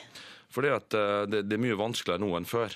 Eh, Det er klart at eh, Før så var det mer åpent, det var større forskjell på lagene. Nå er det blitt så tett og jevnt, og han gjør dette hver eneste kamp. Eh, Og hver tredje dag i tillegg. Og den fysiske biten og den, den motstanden møter i tillegg. Så det, Han spiller på et godt lag, selvfølgelig. Det hjelper jo, men det han presterer hver eneste kamp han spiller, det, det er ingen i verden som er i nærheten. Um, vi må hoppe videre til spørsmålsruletten vår, så da skal du få uh, rett og slett bakebollen overlevert der. Og skal du få trekke deg en lapp derifra, Kjetil. Og på den står det et tall. Eh, 15 står det der. 15. Da skal du få spørsmål nummer 15 i Våre lett. Og her kommer det. Hva var din første jobb? Min første jobb Jeg var jo fotballspiller, så jeg tenkte på sånn der noe greier. Men min første jobb var vel å hjelpe til. Eh, enten kjøre post med moderen, eller eh, ta gårdsarbeid for bestefaren min. Ja. Hva sa de to trivdes du best med? Det var definitivt, definitivt gårdsarbeid for bestefaren. For det å kjøre post og putte reklame i postkasse sammen med mutter'n på, på lørdager og ikke rekke hjem til tippekampen, det var, det var straff. Det, det var ikke moro. Å ja! Nå har du oppført deg dårlig, Kjetil, så nå må du være med på postrunden på lørdag. Nei, men vi, hadde, vi var tre gutter vet du, som vi gjorde dette hver, hver vår gang. Og um, hver vår lørdag, og det var stress for å rekke hjem til tippekampen klokka fire. Ja. Men fikk du noe igjen for det, i form av betaling? Ja, vi fikk jo lommepenger, så det var jobb. Så det, det var jo eh, Vi var jo fornøyd når vi fikk betaling, men jeg tror ikke vi var så fornøyd når vi satt inne i bilen der og kava med seg reklamen som skulle ut i seg postboksene. Det tror jeg på. Um, god trening og god sesong, og lykke til. Og så håper vi at Vålerenga er mye bedre enn i fjor. Og så får vi si Kjetil Rekdal, tusen takk for besøket. Bare hyggelig. Og så tar vi med oss Linnea Dale. Ny norsk musikk, den låta er nydelig, og du får den på NRK P3 kvart på ni. A Room in a City på P3. Dette er Macklemore på NRK P3. Dette var Thrift Shop, og før den altså Linnea Dale og nydelige Room in a City. Åtte minutter på ni. God morgen, det er onsdag, det er lille lørdag, og du hører P3 Morgen, hvor jeg som heter Ronny heter Stades. Silje i sin favorittskjorte. Hallo, burgunder. Hallo, burgunder! Og god morgen! Og Yngve Hustad Reite har også kommet inn i studio. Hallo, mønstrete. Ja, det er eh, Er genseren det din. mønstre Ja, du Bård? stripete, du stripete, du, da. Men det er liksom mønstra Hello, Bård. Mr. Stripes, how are you doing? Ålreit, ålreit, ålreit. Hello. Uh, ja, uh, hvordan det går? Det går bra. Uh, jeg har en um, liten ting jeg har lyst til å ta opp. Fordi det er en ting, eh, Jeg vet ikke om jeg har nevnt det før. Jeg var på Rema 1000 forleden. Jeg vet ikke om du har nevnt det før. Nei. Jeg var på butikken og sto og skulle handle. Altså jeg sto og venta i kassa i køa. Så så jeg eh, ved siden av kassa så sto det ei bok med et litt provoserende glis på forsida. eh, Der Odd Reitan, altså Rema-Reitan sjøl, sjefen over eh, alle Rema-butikker, Ja. eh, Re Reitan Mat, som det egentlig heter, eh, han hadde skrevet ei bok som, eh, med den litt eh, rare tittelen 'Hvis jeg var president'. Um, og så tenkte jeg herregud, jeg har fått med at jeg har skrevet bok før, men i påska så begynte jeg å tenke på Hva hvis jeg var president? That I will faithfully execute the office of President Ja, hva hvis jeg var president? Altså, eh, hvis det er ikke så langt fra Reitan til Reite Og å han lov, så får jeg lov til å drømme. Eh, og derfor så har jeg tenkt til nå eh, framover i P3 Morgen å tenke på hvordan, hvordan tilværelsen skulle vært hvis jeg var president. Åh. Eh, først og fremst Så denne jeg bare men denne spalta heter ikke 'Hvis jeg var president', det heter 'Hvis jeg var ja, Hvis jeg var president jeg må, Det må spille på det samme som boka hans heter. heter. okay, okay, okay. Men det er jeg med stor J. Og, Altså store bokstaver. Jeg. Eh, Jeg har først irritert meg over den boka der, men så tenkte jeg ja ja, eh, hvis jeg skal begynne å tenke etter ting jeg først og fremst bare vil forandre på Mm. Hvis du var president. Ja, altså det, det, blir ganske, det blir litt sånn innledningsvis. Først og fremst rullende fortau. Det har vi snakka om så lenge. Eh, også Det var drømmen da jeg var liten. Eh, var et rullende fortau. Det var alltid sånn Donald Duck-drøm. Blir du forbanna når er på Gardermoen for eksempel, og tenker sånn Mer av det? Eh, ja, eh, litt. Fordi at eh, jeg husker at det var snakk om at eh, det skulle komme altså, det var snakk om at det skulle komme rullende fortau i Oslo, men det var bare trikken som kalte det det. Fordi at de skulle liksom kjøre så ofte at Ja. det skulle føles som at det var et rullende fortau. Særlig. Rullende fortau vil jeg ha eh, som president, eh, og i år vil, vil, også vil jeg ha et stort rom med en diger globus. Eh, som jeg kunne se på og bla i. Det I- i huset ditt, eller Eh, generelt? Ja, eller på kontoret, da. Ja, altså rulle på den, og så så ja. zoome inn, liksom. Eh, fordi at jeg syns PC-skjermen blir for liten når jeg skal følge med på hvor ting er hen i verden. Er Gjerne i 3D. Rullende fortau, diger globus, eh, egen do på jobben. Eh, Kan, kan du si litt om hvordan du vil at den skal være? Nei, altså, det trenger ikke være noe fancy, men eh, bare at den aldri er opptatt. Men det er jo en do her som det har et lit, bitte lite skilt på, som det står Yngve sin. Ja, og det er ikke jeg som har satt opp. Men eh, det er noen som har satt opp, altså skrevet at den doen er min. Eh, så det kan være at folk har lyst til at de skal bli president. Ja. Men det er jo ingen som respekterer det uansett, det der skiltet. Mm. Eh, så vil jeg at det skal regne på natta og være opphold på dagen. Okay. Dere er enig i det? Smart. Det er sånn i deler av eh, verden, i sånn tropiske strøk. Nattdag. Jeg har opplevd Jaha. eh, det er sånn i Sør-Amerika, noen få plasser. Ja. Eh, og sist, men ikke minst, så vil må jeg ha en egen presidenthymne, og den vil jeg at Lillebjørn Nilsen og Ennio Morricone skal gå sammen og lage. Eh, slik at man får en litt trivelig tekst eh, med en utrolig rørende og vakker melodi. Ja. Eh, det er liksom innledninga. Eh, framover i P3 Morgen så skal jeg se på mer eh, seriøse samfunnsspørsmål. Eh, der man eh, Altså hvordan jeg ville løst ting hvis jeg var president. Gleder meg allerede. Takk skal du ha, Yngvild Storheite. Lykke til med eget toalett på jobben. Eh, Bare hyggelig. Og så kan folk bare gjerne respektere det skiltet, selv om det ikke er som har satt det opp. Ja, Mm. Okay. Så er vi i hvert fall litt på vei, da. Mumford Sons er der. Ja, ja, ja. Det er greit det, hvis du var president. Ja, ja, ja, Da kunne Mumford Sons blitt spilt eh, to til tre ganger på P3 hver dag, sånn som de gjøres allerede. Ja, ja. Dette er P3. Podkast, bonus Hei, hei, pass på. Yngve, du må legge den bort. Hvordan er den der sangen til pingpongsongen igjen? Det er ingen Til Enrique pingpongsang. Ja, fy faen, jeg har hekta på den. ass. Han har laget så mange rare Know what it sanger. feels like love someone. Fikk den på hjernen. Hvorfor er det pingpongsang? Ikke, det her er helt ukjent for meg. Hvorfor heter det pingpongsang? Enda Skal- sånn, Få gjenoppretta min kredibilitet som Ah, musikkkjenner. ikke finn han fram, Ronny. Hører du det, Nils Pils, hvis du hører på? Jeg har inget kjennskap til uh, pingpongsangen til Enrique Men Tonight I'm fucking you. med Henrike Iglesias den har jeg hørt, selvfølgelig. Den er for grisete, faktisk. Jeg tillater det ikke. Men Den er er ikke. Tonight I'm Loving You, men så er det egentlig Fucking You. Nei, nei, men Den sensurerte utgaven er 'Loving You', ja, men den usensurerte den er 'Fucking You'. Beint rett fram. Syns det er litt herlig. jeg. Jeg syns det Ha. er OK, helt jævlig. men da begynner vi der. Sigrid, hvordan har eh, liksom å få altså, jeg det er hans, ja, Vi må gjøre noe drøyt. Hvis du skal, Ja. hvis du skal prøve et fjerde comeback nå, Henrike, så må du gjøre noe ja, Men drøyt. han har hits, da. Den solgte jo som Skal ei vi kule. høre Ja. på pingpongsangen? Ja, jeg skal Nei. prøve å finne fram her. Jeg Må bare åpne dataprogramvaren som Ok. leverer musikk til oss. Nei, vi skulle høre på sangen, ikke Ja, den bare irriterende begynner- lyden. det her var Ja, det begynner faktisk sånn, tror jeg. Men kan ikke du begynne litt med å fortelle? Nå er det jo to uker sist, eh, Sigrid. Ja. Hva har du gjort på? Du har blitt brun i trynet. Jeg har blitt brun i trynet. vært på ski masse, vært på Oppdal. Og så har jeg eh, I dag så går jeg inn i min 15. dag uten å drikke alkohol. Å, Ja. her, så du har ikke vært på For mitt neste spørsmål var Ja. Har du vært på afterski i Nei, jeg har ikke det. Og jeg har bare gjort akkurat det jeg hadde lyst til i påska, og så fant jeg ut at vet du hva, det er faktisk å være hjemme og spise godteri og se på TV. Hvor høy er toppene. Nei, du begynner å bli yngre, du, da. hvor høy er to- er toppene i eh, Oppdal sammenlignet med toppene i Hemsedal? Du er være kald. ikke høy. Pilsen her er ikke høyere enn Oi, kroppen. kald, ja. Pilsen Men var det kaldt er på toppene? toppene Det var kaldt, men varmt i sola. Ja, ja. Sto du på nedover eller bortoverski? Bortoverski, kan du si. Ja. Kan du si? Hva mener du med det? Hvorfor var du ikke på nedoverski når du er i. Oppdal? Eh, fordi eh, Vil du ikke være med i bakken? Fordi, jeg, vet hva, jeg må faktisk innrømme at jeg liker ikke så godt å være i bakken. Fordi Nei. jeg synes det er så klaus, og spesielt i, sånn, i påskeferien og sånn, så er det liksom så mye folk overalt. At du kan jo nesten ikke kjøre sånn som du vil. Man blir Men- kjørende og ser bak seg mer enn forover. Sånn. Ja, men på påskefjellet, der kan man jo bare cruise ned. Var det ikke noe folk i påskefjellet da? Jo da, men det er liksom ikke så tett. Jeg har jo sett på Påskekveld hver jævla dag. Ah, Her er. For et Her er program Og, de har eh, laga der. Uh, men jeg likte det. Og um, der hadde de bilder fra uh, Hemsed, eller et eller annet sted i påskefjellet der folk gikk altså i kø. Jeg har aldri sett så mye folk i skiløyper før. Bjørn Eidsvåg var der òg. Seriøst? Lang intro. Vet du hva? Jeg blir så eitrende når folk ikke bare kan lage musikkvideo som begynner med sangen.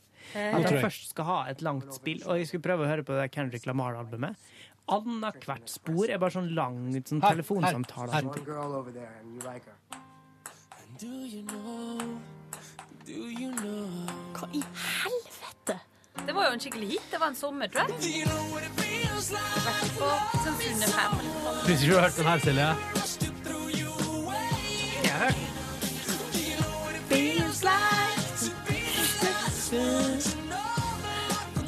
Hører du pingpongballen i bakgrunnen? Kan si hva du vil, men den setter seg på hjernen. Kan jeg være med på pingpong? Og med featuring Yngve på pingpong.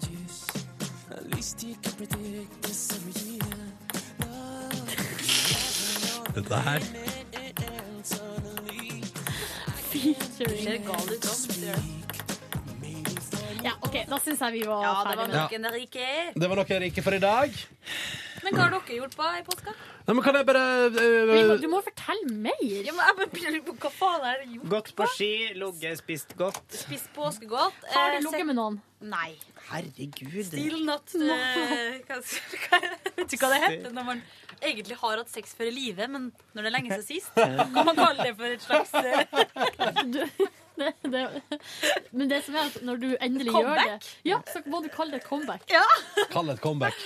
Fy fader. Men det har jeg Ja. lagt merke til at på nettstedet 730 eh, Der eh, kaller de altså, altså når folk gir ut låter, så kaller de det for Ja, comeback. det er ganske vanlig. Altså Beyoncé har kommet med comeback. Ja, ja, ja. Eh, alle har comeback, men altså Sjekk du når de sist ga ut plate, så er det sånn for I ett og et halvt år siden. Ja. Ja. Det er jo ikke comeback, det. Nei, det ikke. Når jeg har sex neste gang, så skal jeg ta en high five mens jeg har sex og si sånn Comeback, kid! Gjør det.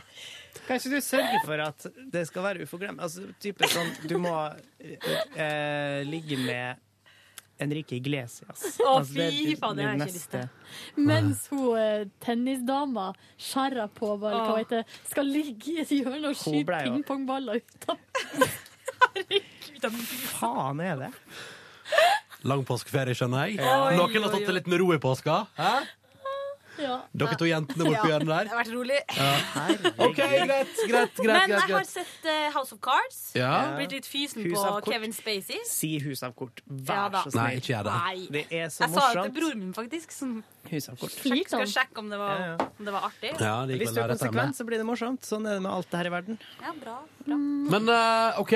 Sett hele sesongen. Ja. Eh, ja. Ja, jeg sett sesong to Jeg har ikke blitt laga ennå, men jeg bare har sett den, du. Du Um, noe annet du har sett på? Eh, sett eh, på Paradise Hotel. Ja, det var jævlig bra forrige uke. Ja, det var exciting. Ja, ja, ja. ja. Og så hva annet har jeg sett? Sett en del filmer. Sett Iron Man 1 og 2. Mm. For det vil ha brorsan absolutt Jeg liker Iron Man, digger det. Jeg er ikke så glad i Robert Downey jr. Han er jeg så glad i. Og hun journalisten som er med i House of Cards, hun har jo faktisk en kjempeliten rolle i Iron Man 2. Og hun er jo søstera til hun som spiller uh, Lisbeth Salander i uh, The Girl with the Dragon Tattoo. Jo! De, er De ligner jo ikke helt Hun de heter Mara eh, til etternavn. Hun som spilte den som i, i, fra Amerika, da. Ja, det ja, ja. amerikanske. Faen, helvete.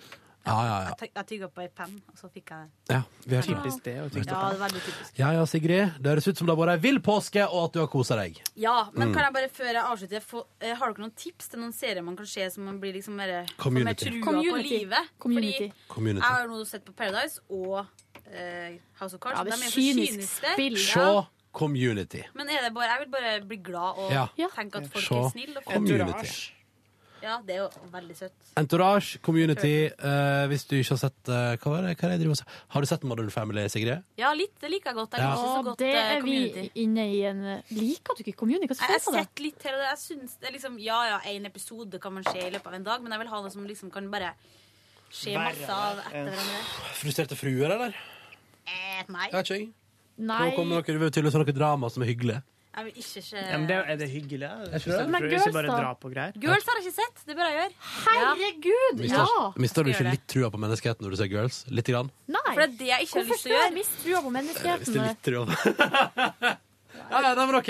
Ja, ja, har Masse tips der. Jeg kan fortelle hva jeg gjorde til i påsken. Yes. Um, jeg har jo, eller Siden sist bonusbord har jeg vært i London. Ja. Det var hyggelig. Hvordan kom du til London? Jeg kom dit med fly. Hvem var du der sammen Men hvor Var, det ikke helt komplikasjoner? Jo, det var komplikasjoner. Og det har stått om det på sosiale medier, eller so, so me, Ja. som jeg tro, alltid tenkte betydde 'this is so me'. Ja. Altså, det her er så typisk meg. Men så var det social media, gitt. Mm. Eh, jo, litt komplikasjoner. Hva var det som skjedde? Eh, har du lyst til å fortelle historien? Noen glemte passet sitt. Hvem var det? Den reiste med. Å ja. Ja. Eh, så det var Var det Ørjan? Nei, det var Var det Yngve? Nei, det var ikke nei, nei. nei, det her Leif? var jo Nei, det her Var det var Mari? dama til Ronny. Ja, Var det ja. din gode venn Gunhild? Dahlberg. Guri Solberg. Det er Guri Solberg. Ah. Tone nei, men, D. eh, nei, men eh, Tone vedkom- Donald. Vedkommende glemte Vedkommende glemte, kom, på at, vedkommende kom på at hun glemte passet sitt idet hun sto og tenkte sånn Faen, hvis jeg ikke rekker det flyet nå fordi Ronny er så treig. Du, Ronny. Eh, så der tenker jeg Karma henne. Men hun har jo eh, allerede Altså, jeg kjenner ikke henne sånn kjempegodt. Jobba med henne noen år. eh, eller altså, jeg kan ikke si hvem det er. Men hvis man følger veldig godt med på Ronny sine sosiale medier, så kan man prøve å gjette seg til hvem det er snakk om. Hva var det du skulle si? Allerede et inntrykk av at hun er å reise, men hun er ikke noe flink til det. Jeg har, jeg sjøl drept meg ut på pass en gang. Altså, det, var, det var godt ut. Ja, for du har det. Ja, det var godt ut, og jeg hadde ikke, det hadde ikke sneia meg at det, at det var noe Jeg har fortsatt to år igjen. Altså. Men 2015. eh, det var, altså, det var første pass jeg fikk da jeg var 15 år. Liksom. Ja. gikk ut, eh, jeg vet ikke når det gikk ut, jeg. sikkert var 23. Eller noe sånt. Ikke sant. Men eh, fordi at hun har bestilt feil vei fly Ja, en da, det har vært mye der. Dette, men det- dette får hun ja. ta for egen regning. Der, Ja, ja, ja, eh, hun er også svensk statsborger, så vi måtte en tur ikke til nødpassbonanzaen på Gardermoen, men vi måtte til den svenske ambassaden i Oslo sentrum. Så dere Eh, rakk ikke Oi, helsike! Ja, ja, ja. Og det, var, og det måtte fakses over dokument fra Sverige. Altså, det var et vanvittig kaos. Men Men det- det, som er gøy med det, eller ikke gøy, det er ikke gøy, men det vil si, altså, vi kom bare ti minutter etter siste sjans, på en måte, til Gardermoen. Og det var litt dritt, for da satt vi på flytoget og visste at dette rekker vi ikke. Og så, men så var vi såpass smarte at vi sjekka Vi gikk til skranken til flyselskapet British Airways, og der fant vi ut et par ting. Du kan booke om billetten til flyet tar letta, men ikke etterpå. Ah. Så det var jo flaks at vi gjorde det før flyet letta. Og i det flyet letta, hvis du ikke har booka om, så mister du returbilletten din. Oi!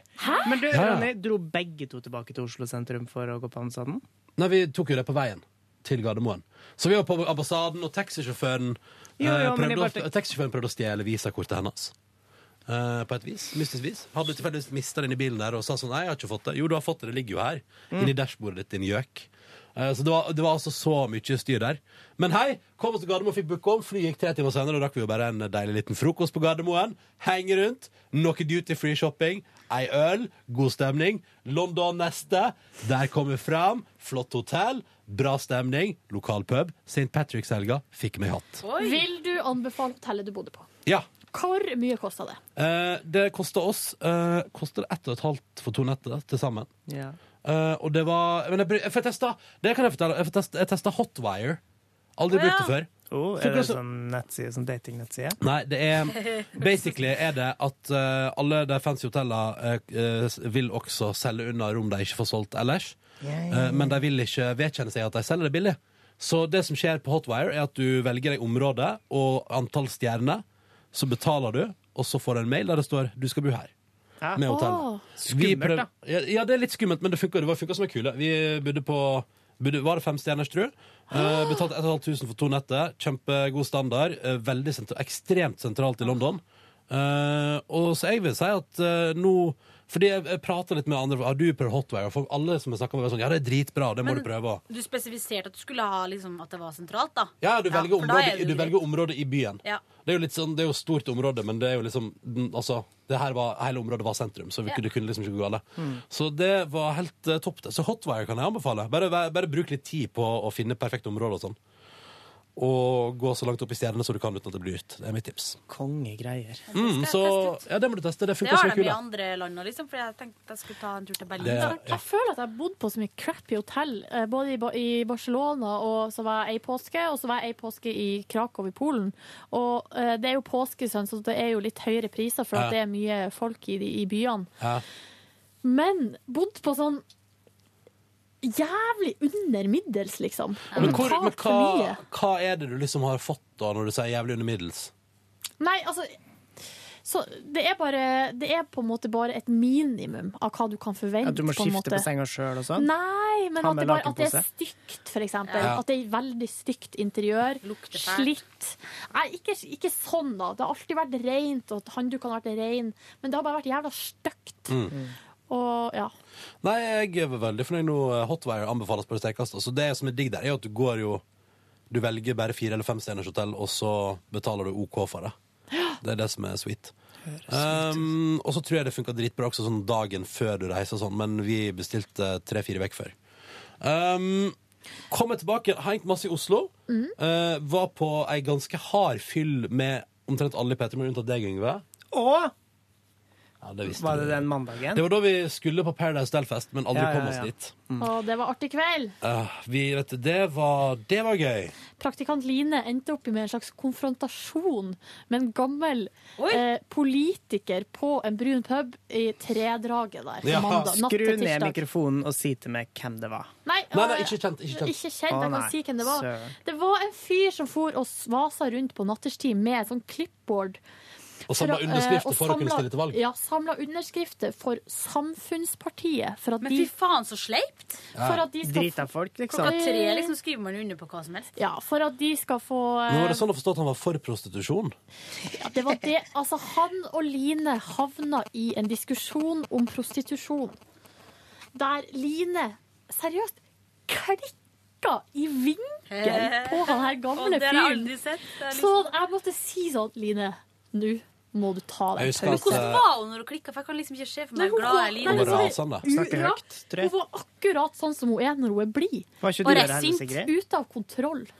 Uh, og så drev jeg og liksom så jeg, eh, Fordi jeg tenkte på et tidspunkt ah, Line er skikkelig sur. Jeg tar den clipboarden og later som jeg skal skrive under. Kjempestemning. Og da likte jeg at Silje måtte ta den liksom, negotiatende rollen med sånn Line, folk må lov til få, få lov til å ta egne valg. Hvis de vil skrive under, så må de få lov til det. Ja, men det mener jeg jo. For Line var jo helt sånn herre Hun skulle jo kaste han ut, og han skulle ikke få lov. Og så, og så må jeg si sånn Ja, men Line, det her er jo det her er jo demokrati. Ja. Mm. Ikke nødvendigvis at han skal få samle inn underskrifter fra drita altså, folk, men folk hadde- må jo få lov til å mene hva de vil. Men er Hadde det Line ja. på seg påskeharekostyme mens hun var der? Nei. Det hadde vært søtt. En hiss i påskeharet. Men du, er det sånn i Norge nå at eh, det er lov til, til å prostituere seg, men det er ikke lov å kjøpe? Helt riktig. Ja, Ja, men det er ikke lov å organisere Altså, du har lov, tror jeg, til å selge sex sjøl, men du har ikke lov til å eh, Kjøpe det. selge andre. Nei, ikke Altså, pimpe. Nei, nei. Det er ikke Ja. lov med sånn eh, hallikvirksomhet. I en situasjon der to mennesker blir tatt for at den ene har kjøpt sex, og den andre vil den som har kjøpt sexen, bli eh, tatt av politiet. Den andre vil ikke bli Ja. det. Så det de da sikkert var for, er at man må få lov til å kjøpe? Ja, det var vel det. Ja. Og så mente ja, det var noe der, Han mente vel noe om at, eh, at så lenge Hvis man kan eh, gjøre det liksom lovlig, så kan man øke prisen, og dermed gjøre det mer verdig på et vis. Okay. Ja, altså, om, det var de vanlige Organisere det på en slags måte? ja, det var de vanlige argumentene for at det skulle kontrolleres bedre, og nå skjer det bare i skjul. Og, Det skjer vel uansett, Det er liksom. Ja. Man får det ikke jo bukt med måte litt ja. men så Um, ja. Men det var veldig Men han var, det var gøy. Eh, Artig fest. Uh, våkna Det var veldig deilig da å kunne sove så lenge jeg ville på tirsdag. Ja. Og onsdag og torsdag. Eh, og fredag uh, fikk, uh, fikk nå drukket min fair share med øl både den veka og veka etterpå. For du begynte i dag når vi snakka bare vi i studio utenfor sending, så sa du at du nesten ikke har drukket i det hele tatt i påska. Det trekker jeg tilbake. fra dem og dem. Altså, du, kanskje, hvor mange dager har du ikke drukket? Nei, uh, nei, det var nå et par dager forrige uke. Nei, skal vi se. Men, men det var helga. Hva gjorde du på helga, da? Det husker jeg ikke engang. Ja, Du var DJ! Du var jo hjemme Nei, nei, nei, nei, og før det. hadde- herregud, det er så lenge siden. Jo, du Ja, drakk, i London. London, baby! du Nei, nei. drakk på fredag, og så på lørdag så SMS-a vi. Men da var du bare hjemme. Ja, det var da du sendte melding om jeg var ute. Ja. Og da var det, da var det faktisk ah, Jeg satt jo barnevakt! På lørdag? Ja, ja. Lørdagen før påske. Stemmer på fredag var jeg på grisefylla. Og så satt du barnevakt med promille dagen etter. Ja, og- Lå du bare på sofaen og ba om å holde kjeft? nei, nei, nei. Jeg var til stede, spiste taco. Eh, Var det her sammen med ditt nystifta bekjentskap? Og, ja, ja, ja. Og så hele Spellemannprisen. Hele Spellemannprisen så jeg på fjernsynet. Men du, det første på Spellemannprisen, nå er det litt sånn bakpå snakk om det. Men i begynnelsen så var det en slags sånn Det var Truls ikke Ja, sant, som ja. kom og sang. Ja. Eh, og så, var, så så det så jævlig proft ut, og det var som en musikkvideo. At han Ja. var liksom backstage og inne i et annet rom der det var masse ja. jenter som dansa. Og så går han og, og Josef fra Madcon opp på en sånn platå, og så blir de heisa opp, Mm. og så er de plutselig på scenen. Og så skjønte ikke jeg om det der begynnelsen, altså introen på et vis, før de gikk og stilte seg på den rampa som ble heisa opp på scenen. Ja. Var det spilt inn på Det var helt sikkert spilt inn på forhånd. Ja, fordi at jeg trodde, for jeg var helt sånn fra meg sånn. Herregud, det er det proffeste jeg har sett! Og det ser ut som en musikkvideo, og det er den beste lyden jeg har hørt, og var helt sånn her, helt fra meg. Ja. Ropa på kjæresten min, kom inn og se på det her. Ja. Og akkurat da er jo de på rampa og blir heisa opp. Og når de da begynner å synge igjen, Så skjønner du at så skjønner jeg bare, å ja, for da er jo lyden helt annen, eller sånn Ja. litt uh, dårligere, rett og slett. Eh, Men det så jævlig proft ut, og jeg ble lurt. Ja. Um, Spellemann begynte jo veldig gøy, eh, og så i del to ble det fryktelig langtekkelig, og veldig mange rare kategorier. Det er litt kjedelig, det er et litt kjedelig program. Ja, det er jo det. Mikkel Pascal sto for ei grei avslutning der, syns jeg. Um, så det, den helga der gikk jo forbi rolig og fin. Uh, og så var det jo etter hvert uh, veka etterpå en tur hjem til Førde. Ja, jeg var DJ på uteplass. Det var god stemning, det var stappfullt i huset, og det var dansegulv. Um, og jeg drakk shots og spilte plater. Det er mange som kommer opp til deg sånn og bare Hei, Ronny! Og, Det som er hyggelig, er jo at eh, Fordi det som er er litt sånn bismaken med å DJ i Førde, er jo at den kvelden er alle jeg kjenner der. Ja. Og den kvelden får jeg ikke prata med noen av dem. Eh, så det er jo litt sånn minuset, men da er det hyggelig når folk kommer opp og sier hallois, og det er god stemning. Det artig hvis du måtte ha sånn glassboks. Noen plasser, vet du, når det blir Jeg liker at jeg bare står i rommet der, jeg, altså. Ja, ja, det er fint, det. Og så liker jeg når det begynner å bli såpass god stemning på dansegulvet at jeg kan spille såpass høyt at det rister i, i gulvet. Det syns jeg er fint. Ja, det var topp stemning. Du, det hadde, jeg tror du hadde kosa deg, faktisk. Det var Ja, ganske gøy. bra, det- Men tenk hvis du ikke kjente noen her, Sigrid. Altså, det er jo en fremmed by. Da kunne jeg jo bare gjort akkurat Ja. som jeg ville. Da kunne du ligget med noen her! Ja. High five! Gikk to turer på ski uh, i strålende Ja, påskevær. fy søren. Eh, vi lagde bål ute, det var kos. Grilla pølse. Satt i solveggen, nøt livet. Fin utsikt. Vakre fjell hjemme i Sogn og Fjordane. Eh, og det var så lenge siden jeg har gått på ski at det syns jeg var skikkelig skikkelig stas. Og jeg har med skiene mine tilbake til Oslo. Ei! Så jeg tenkte jeg skulle prøve å få til en tur denne veka her. kongegreier. Mhm. Det var min påske, kort oppsummert. Eh, behagelig og fin. Ja. Mi påske eh, begynte med at jeg fikk besøk av eh, mitt unge søskenbarn på bare 18 år. Som oh, herregud, party, bo party! her i, i Oslo. Eh, og derfor så kunne ikke være med på den berømte festen på mandag. Altså den Fordi der du skulle på 18-årsplass med han, da. Nei, nei, vi, var, vi holdt oss Han skulle jobbe på forskjellige restauranter. Han er kokkelærling. Oh, ja. Forskjellige Eller kokke- restauranter? Ja, han har først jobba på en restaurant, og så skulle han jobbe på en til. Eh, og så utnytter jeg dette her nok til at han lagde jo mat til meg. Eh, en av Hva kveldene der. han? Lagde han? Han lagde en eh, nydelig ytrefilet av storfe, eller hest, da, som man også kan si. Nei da, det, var, det her var oksekjøtt. Eh, og så har jeg drevet og skrapa og pussa på et gjesterom, gjesterom, eh, som straks skal få et strøk med maling.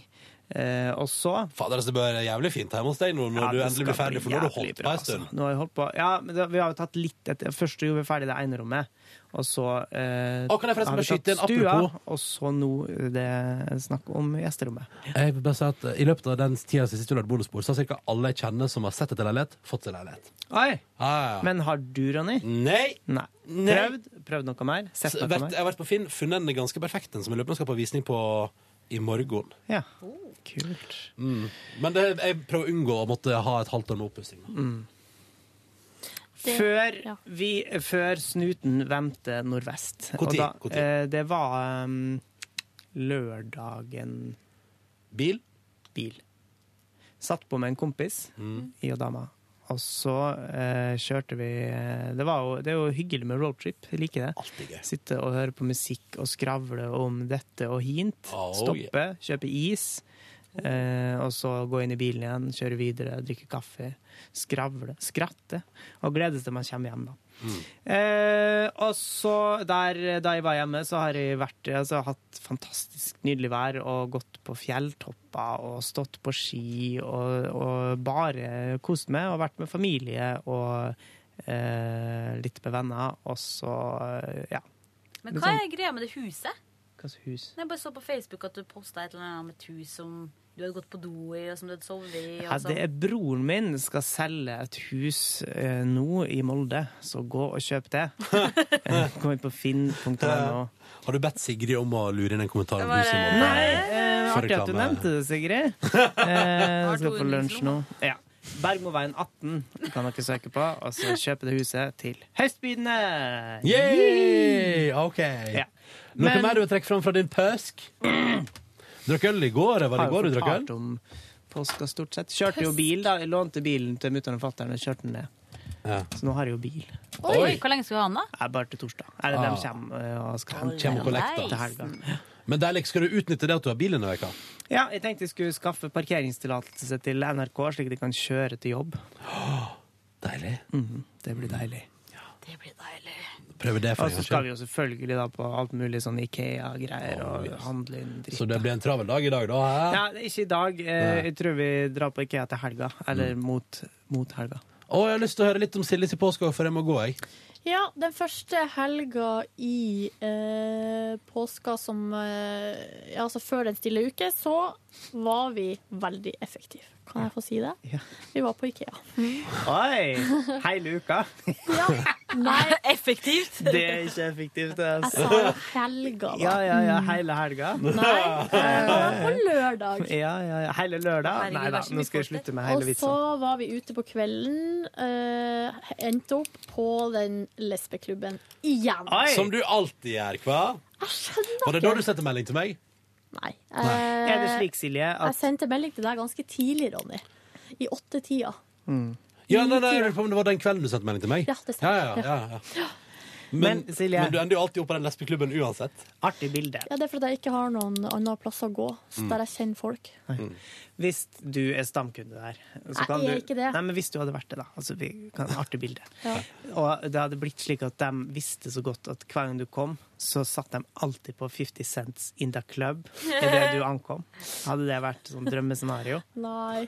Nei. Søren. Det hadde vært litt morsomt. Hvilken låt ville du hatt, da? Hvis du skulle valgt? Må det være noe Lady Gaga? Noe Lady Gaga. Eh, men eh, da jeg uh, jobba det året mellom videregående og at jeg var i Mexico, mm. da var jeg ute onsdag, fredag og lørdag hver uke. Mm. Eh, det var en fin tid. Og da eh, på den lokale puben, og da som heter Gjestegården. Men altså på Hamarøy? Kjelleren på Gjestegården. Ja. Herregud, er det folk ut på en onsdag på Hamarøy? Det var det før. Det. Eh, det var, men det, var kanskje, det kunne være sånn seks stykker, inkludert han som sto i baren. Mm. Ja. Hendte det at han sto i baren og også tok seg en drink, da? ingen kommentar. Ja, okay. Så eh, det er stengt der nå, så det får ingen konsekvenser. Konsekvenser! Eh, det det hendte det om det var nachspieler etter stengetid. Ingen kommentar, Ingen eller? kommentar. Eh, men der var det sånn at når jeg kom, så satte han bartender på, dere- Jolene, og så satt han, uh, gikk han i Budwiser og satte den på, uh, på disken til meg. Jolene. Å. Med Dolly Jolene. Parton. Ja, det var min favorittsang. Å, Men, eh, herregud! Nå så jeg for meg den eh, reklamefilmen med deg som Eller kommer inn på en 9 bar. to 5, siden det var arbeidsåret ditt. Ja, ja, ja.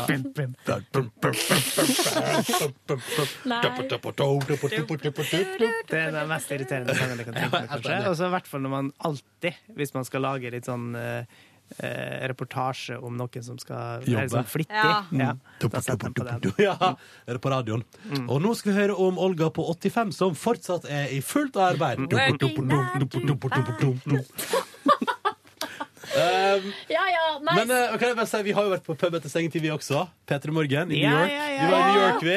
Ingen Hæ? I kommentar. New York? Gjør det Ingen kommentar. Var det Faen så mange av vennene mine som har vært i New York så på løpet av bare Aldri siste vært der, ja. Ja, ja, ja. Det er mye New Jævlig York-feiring. Men irriterende. altså, ass. hvordan var det? Var det, vel, det, det er jo ulovlig dere, der og det? Jeg vet ikke, jeg. Vi var der, vi. Kanskje det ikke er ulovlig? Jo, Så hvis de, hvis de stenger av, låser døra, og så sier de at vi er gjestene Da tror jeg det går bra.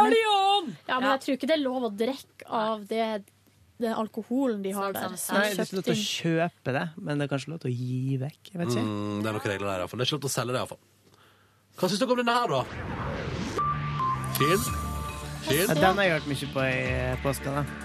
Den var fin, ja. Jeg den det? eh, Det var nye Nei, det er ikke låt. Ja. Sorry, Syns det var så fint. Ja, den siste til uh, Enrique Iglesias. ja. Nå Ser folk det som nyhetsgrunnlag? Ja, ja. Ja, ja, jeg bare fortsetter. Ja. Fordi uh, på mandagen så for jo vi til uh, Bangkok. Meråker. Hvorfor sier du Berkåk? Verdalen. Nei, Nei, Vi sier bare nord, trønderske plasser. ja, nei Meråker for etter. Steinkjer! For med toget. Levanger. Eh, og jeg kan eh, informere om gledelig nyhet om at wifien funka hele veien. Nei! Det skal ikke være mulig. NSB, Jo, hva skjer? det er litt sånn der eh, trøblete. Jeg fant ut etter hvert hva det var, men det var sånn at på mobilen, for eksempel Jeg logga meg liksom inn. Det er sånn at du bare det, Ja, du må logge deg inn og få sånn bruker. Det er veldig lett. Ja. Eh, hvis jeg Hva kom- koster det penger? Nei. Logga meg inn på mobilen, eh, var på nett, surfa rundt, og så på en måte trykt på skjermsparer og la telefonen fra meg. Mm. Hvis jeg da etter ti minutter åpna telefonen igjen og skulle inn på nett, så var jeg på en måte fortsatt pålogga, men det funka ikke. Så måtte jeg logge av og logge på igjen. Ah. Men det var, i hvert fall, det var så gledelig, sånn at vi eh, så på ting på paden. Filmer og serier. så det gikk såpass bra på wifi? Ja. Ja. Ja. Oi, ja, Eh, hadde lasta ned en film på eh, iTunes. Faktisk leid film på iTunes. Hva leide dere? Notebook. Faen, jeg husker ikke. The På vei ned så leide vi Looper. Jo! Ah, Looper, den der jeg. Den er ganske kul. Den. Ja, var ganske Ja, kul. Og så ja. på vei oppover Er det den så norske dokumentaren? Nei. Loop? Nei. Eh, Ja, den var det. Eh, og nei, på vei oppover så hadde vi leid eh, De urørlige, den franske filmen om Ja. en sånn fyr som eh, er veldig rik og sitter i rullestol, for han har vært i ulykke, og som får en eh, svel- svart eh, sånn hjelp, hjemmehjelp, fra gettoen liksom i Paris. Så er det sånn historie da, basert på sann historie. Kjempefin film! Det Eh, passer jo litt for deg òg, Røde Kors, eller eh, Ja. ja. Ja, du er jo flink jeg er med jo, folk. elsker jo folk. Du elsker folk, du, da. Ja. Ja, så det var Så vi satt bare der og drakk kaffe. Men jeg drakk jo så mye kaffe, det var gratis kaffe, vet du. Så jeg drakk jo ja. kaffe som om det var min siste dag på jorda. Var det jo på Wifien, eller? Ja. Eh, kom frem til bestemor og bestefar. Da dro vi til Åre allerede dagen etterpå. Oi! Men da var vi altså så gira på vei til Åre, vi var helt fra oss av girahet, at det ble litt nedtur når vi kom dit. Nei, var det masse folk? Ja, nei, det var ikke så ille, for at det der var tirsdag i stille uke. Ja. Og svenskene får eh, visstnok ikke påskeferie før uka etter. Wow. Og mens eh, de fleste av nordmennene kom jo ikke før på torsdag og fredag. Ah, så deilig, da. Ja. Så det var lite folk, men det var dårlig vær, eller det var sånn der eh, Litt sånn tåkete vær og sånn snø. Så masse lite snø. Sånn små dusksnø. Og så var det Som setter seg på, på brillene. Nei, også, det, det, var veldig, det var litt kaldt, så det var ja. lett. Men det var så lett skydekke også, sånn at sola slo igjennom. Ja. Så at det var sånn her eh, rar blanding mellom sterkt Jeg ble solbrent i påska. Vanskelig å se. Helt umulig å se. Jeg brukte solfaktor 6 og trodde det skulle holde. Jeg brukte Ja, ti. 30 og har ikke fått en farge. Jeg Jeg, en... ble, jeg var altså så rød hele påska. Ja. Jeg Gikk rundt som en solfaktor hummer i 30. fjeset. Jeg hadde 15 Ja, ja, ja. på meg og klina på med sånn kids Jeg trodde det ikke var så farlig med sol i påska. Å, Men den den er er jo livsfarlig, Ronny. da det er farlig, Ronny. Du får stråling både oppe og nedefra, vet du. Ja, ja, ja. Nei, så der eh, jeg var kokt, da. Ja, Og folk kommenterte sånn Se, du har vært i sola! Men er ikke det litt deilig? Det er jo ikke så ofte du er ute og går på ski. er Deilig å få litt sol på kroppen der, Ronny. Kjenner det- ikke det godt ut? Jo, det føltes godt. Men det fikk altså ikke du, Silje, i året der på tirsdag. tirsdag. Nei, og så ellers eh, vi var en til dag i bakken i Meråker. Det var helt fantastisk. Eller i heisen, som de kaller det. I Meråker. Hvorfor reiste du til helt til Åre når du hadde heis i Bare Meråker? fordi at det er større i året, og Ja. vi tenkte at det var bedre. Men vi, Kjøpte dere noen snacks i Sverige der som dere tok med dere over grensa og Ja, tilbake igjen? Vet du hva jeg har kjøpt, som er noe av det beste jeg vet? Er jordnøttringer. Jeg vet ikke hva det betyr. hva er det? Det er, sånn Ja, altså, det er peanøttring. Det er noe jævlig godt noe. Det er peanøttringer, liksom? Er det som en Det er ikke peanøttfisering, håper jeg. Vi hadde det morsomt i bilen med å si fiseringebu når vi begynte å nærme oss Ringebu. Men du, Silje, hvor langt er det å kjøre fra Meråker til Ti-åtte mil. Ingenting, med andre Nei. Nei, så det er ikke noe langt. tar en time cirka. Ja, okay. Men eh, jeg tror bare jeg drar fort igjennom. Ellers var på skutertur en dag på Storlien. Skutertur vil Ja. si snøscooter. Snøscooter. Ah. Onkelen min har kjøpt seg en splitter ny. Hvor mye koster en sånn en? Jeg tror han betalte 180 000. Var det gøy? Var du, var du rå på skuter? Nei, jeg satt jo på i en liten vogn som heter sånn Bamsekjelken. Så det ødela swaggen til onkelen min. Fordi det så litt dust ut. Hvorfor heter Det er setningen jeg liker. Ødela swaggen til onkel. Ja. Det, jeg må gå her, dere. Ja, vi er glad i deg, Ronny. Glad i dere òg. Vi snakkes i nytt podcast Ha det, Ronny. Ja, det vi. Og så er det jo en stor debatt, scooterdebatt, Ja. Mm. som uh, Jeg skjønner litt at det er en scooterdebatt. jeg. Jeg så jo på nyhetene at det var bare i år sju dødsulykker med scooter. Men så er det jo Røde Kors oppi der, og det har jo vært ute og uttalt seg, så jeg. Hva de de ser, er jo veldig de er, For? Ja, fordi de trenger Jeg vet ikke om det er fordi de trenger å bruke Men de Jo, jo, jo, men Ja. nyttebruk er jo helt i orden. Og jeg tviler nå ikke på at folk kan ha mye glede av en uh, scooter, men da må man kjøre ordentlig. Men det de sier da, er at det er mindre ulykker i Sverige.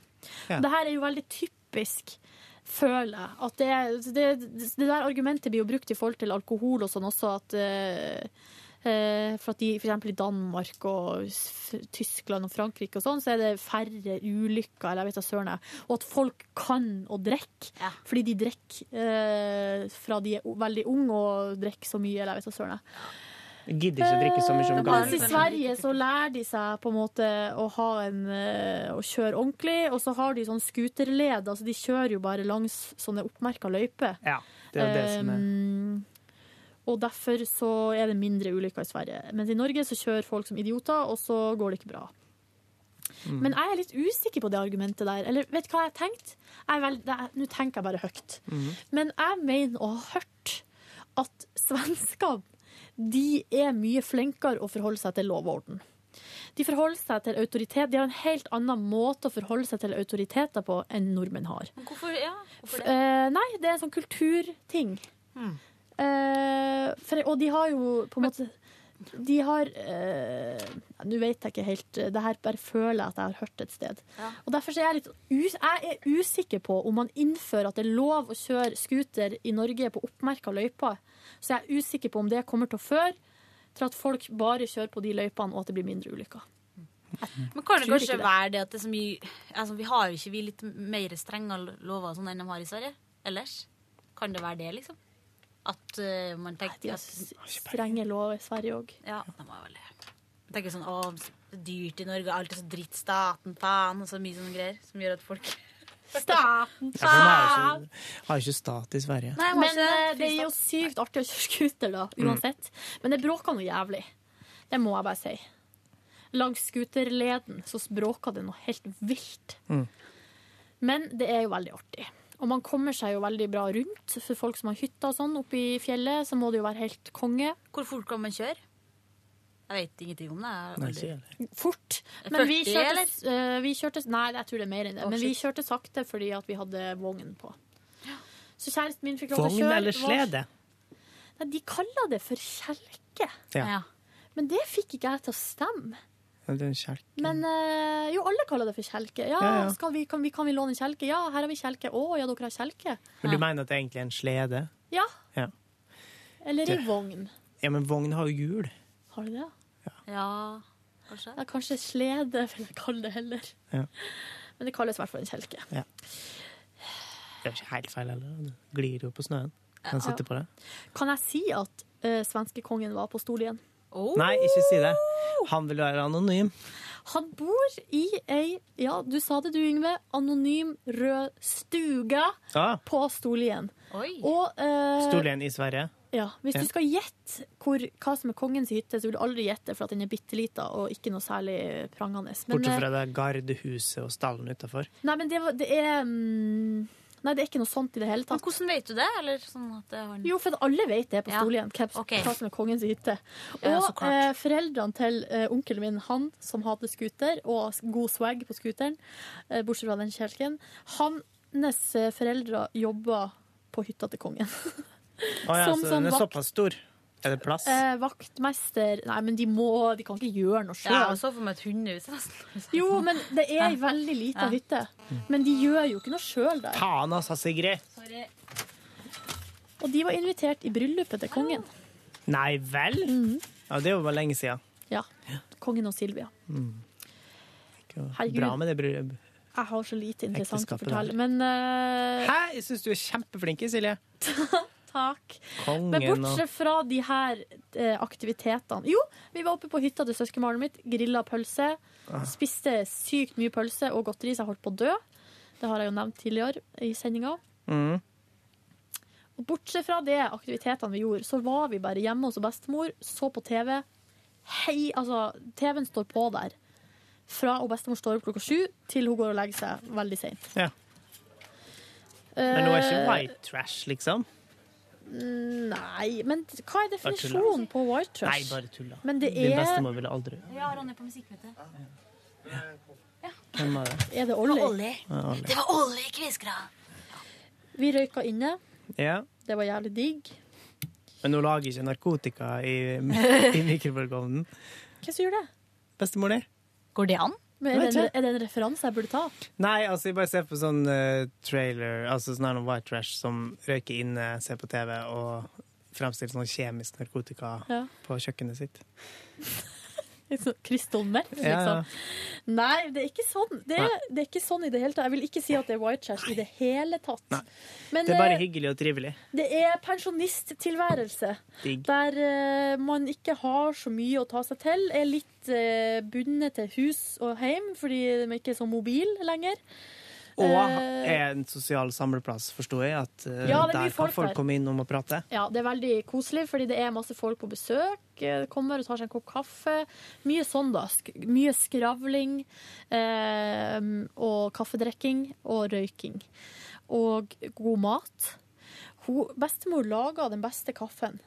Jeg skjønner ikke hvordan hun får det til. Trakter? Trakter, ja. Ja, sant. Er det frile, eller er det Nei, Altså, det er svensk kaffe. Jeg, jeg har presskanne. Og det, altså, jeg liker presskannekaffe, men når jeg lager den sjøl, syns jeg ikke den er så god. Jeg har espressokanne, eh, og jeg liker espresso, men når jeg lager den sjøl, syns jeg ikke at den er så god. Men hvis eh, kjæresten din lager med din trakter, for eksempel, da? Altså, bestyreren i borettslaget hos meg lager jo eh, den beste kaffen. Mm. Ja. Jeg får ikke til. Nei. En sjelden gang Vet du får hva, jeg det til. syns selvgjort er ikke alltid velgjort. Altså, jeg syns ikke å lage mat, stå og holde på, og så spise etterpå Nei. Jeg syns ikke at det er det samme. Altså. Men den andre bestemora mi, rest in peace, hun lagde også sykt god kaffe. Så jeg vet ikke hva som er greia. Og så er det hjemmebakt brød. Veldig godt. Og egg og laks og bacon og Nei, så jeg har funnet ut at folk må lage mat og kaffe til meg. Jeg kan ikke lage det greia der. Da blir det godt. Ja. Ja. Ja da. Ja da. Ja da. Ja da, sånn går det Nei, dagen. men altså, ta turen bort til Bergmoveien 18 og så kjøp et hus i dag. Så skal det bli Hva skal dere i dag, da? I dag Første dagen i vanlig Jeg skal liv? male jeg et rom. Kanskje jeg får til to strøk, og så skal jeg trene, tenkte jeg. Det vi driver på med hjemme hos oss, er jo det som jeg skulle gjort. Det virker som at jeg trenger en ferie for å få noe gjort. Ja. Fordi eh, etter juleferien så eh, manna jeg meg opp og for på kjøpesenter og kjøpte kjøleskap. Ja. Men så hadde vi jo et gammelt kjøleskap, og vi har tatt i bruk det nye for lenge og lenge siden.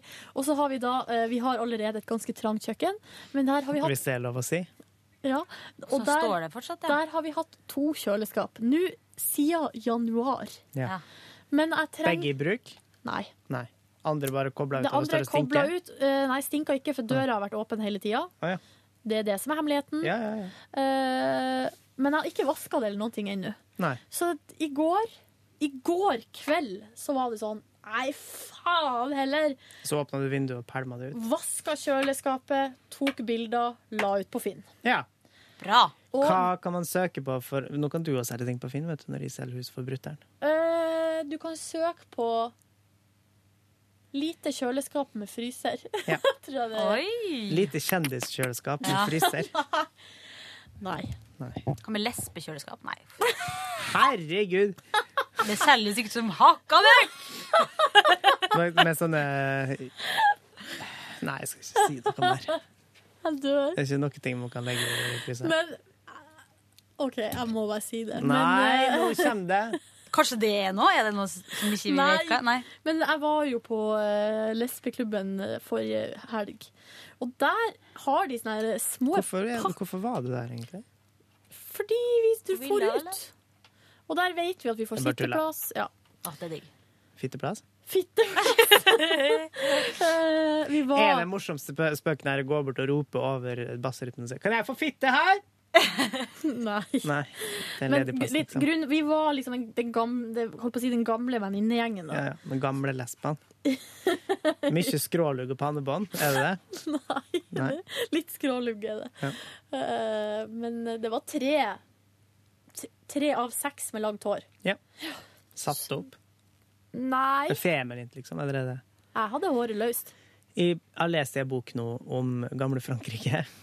Eh, og der eh, etter altså revolusjonen, når denne giljotinegreia herja som verst, Ja. da var det liksom populært i Populært.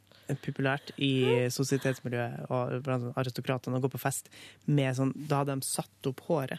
Fordi at det var en sånn giljotineforberedende eh, Og det skulle liksom være hårsveis. kinky, det altså, skulle, nei, det skulle liksom være at nakken, og- nakken er blottlagt.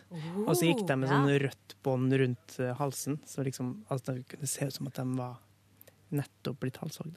Jøss. Men hvorfor var det noe Provoserende. provoserende? Ja.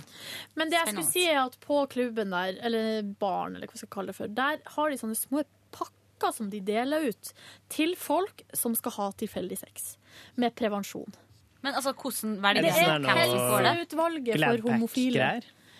Det er slitt. Wow, du ødelegger Sigrid. Sigrid, den gamle telefonen din. Jeg skal aldri mer ha Sigrid har mista iPhonen sin som nerd. Så fått en gammel drittelefon. sånn nerd. Slikkelapp. Steik, altså. Steike, altså. Med jordbærsmak. og eh, min kjæreste har en tendens, når vi er der, til å forsyne seg altså så grovt av det der.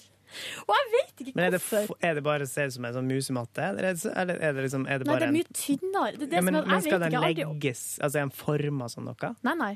Det er bare en plastdekke.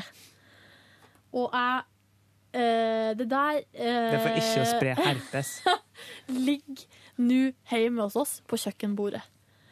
Uh, og det er det, grunnen til at Legg det vekk når, når kjøleskapsfolket Ja! skal komme og Men det er nettopp det jeg kom på, at nå er det bestyreren som har fått tatt kontrollen over det opplegget der.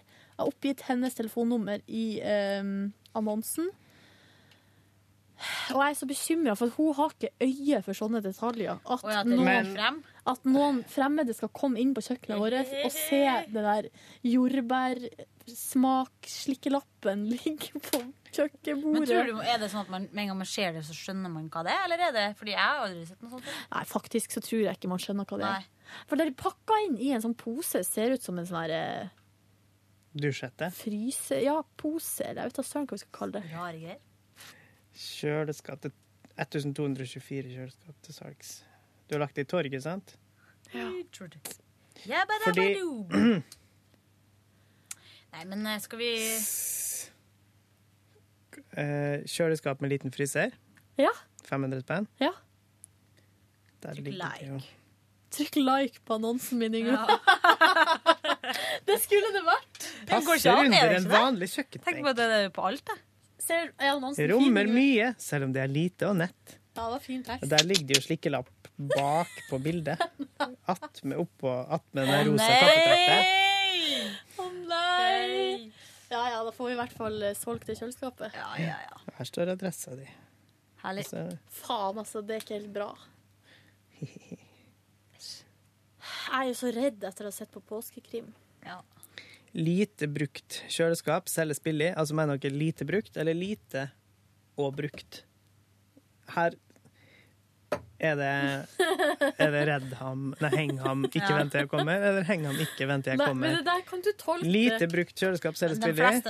Det er et fint lite kjøleskap som passer fint på et lite kjøkken. Ja. Har en liten fryser. Hei, jeg som selger dette, er liten. Ja. Den teksten er ikke så godt uh, gjennom... Er det du som har skrevet? Det er greit. Ja. Det må være lov. Jeg gjorde det jævlig Fint lite. Fint lite kjø- kjøleskap.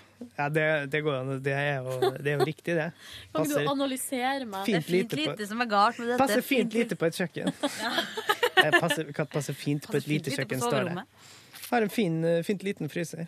Ok, men Skal vi takke for en fin podkast, eller? Ja da, det kan vi Du godt er så utålmodig, Sigrid. Men ja, vi Unnskyld, skal men, tisse, eh, bæsje, spise eller uh, ha sex.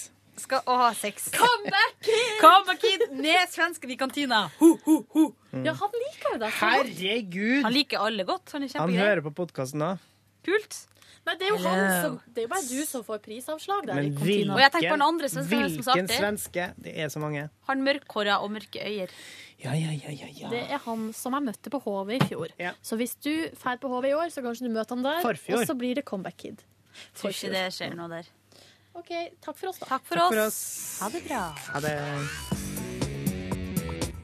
Du hører nå en podkast fra NRK P3. Hent flere podkaster fra NRK på nettsiden nrk.no podkast. NRK P3.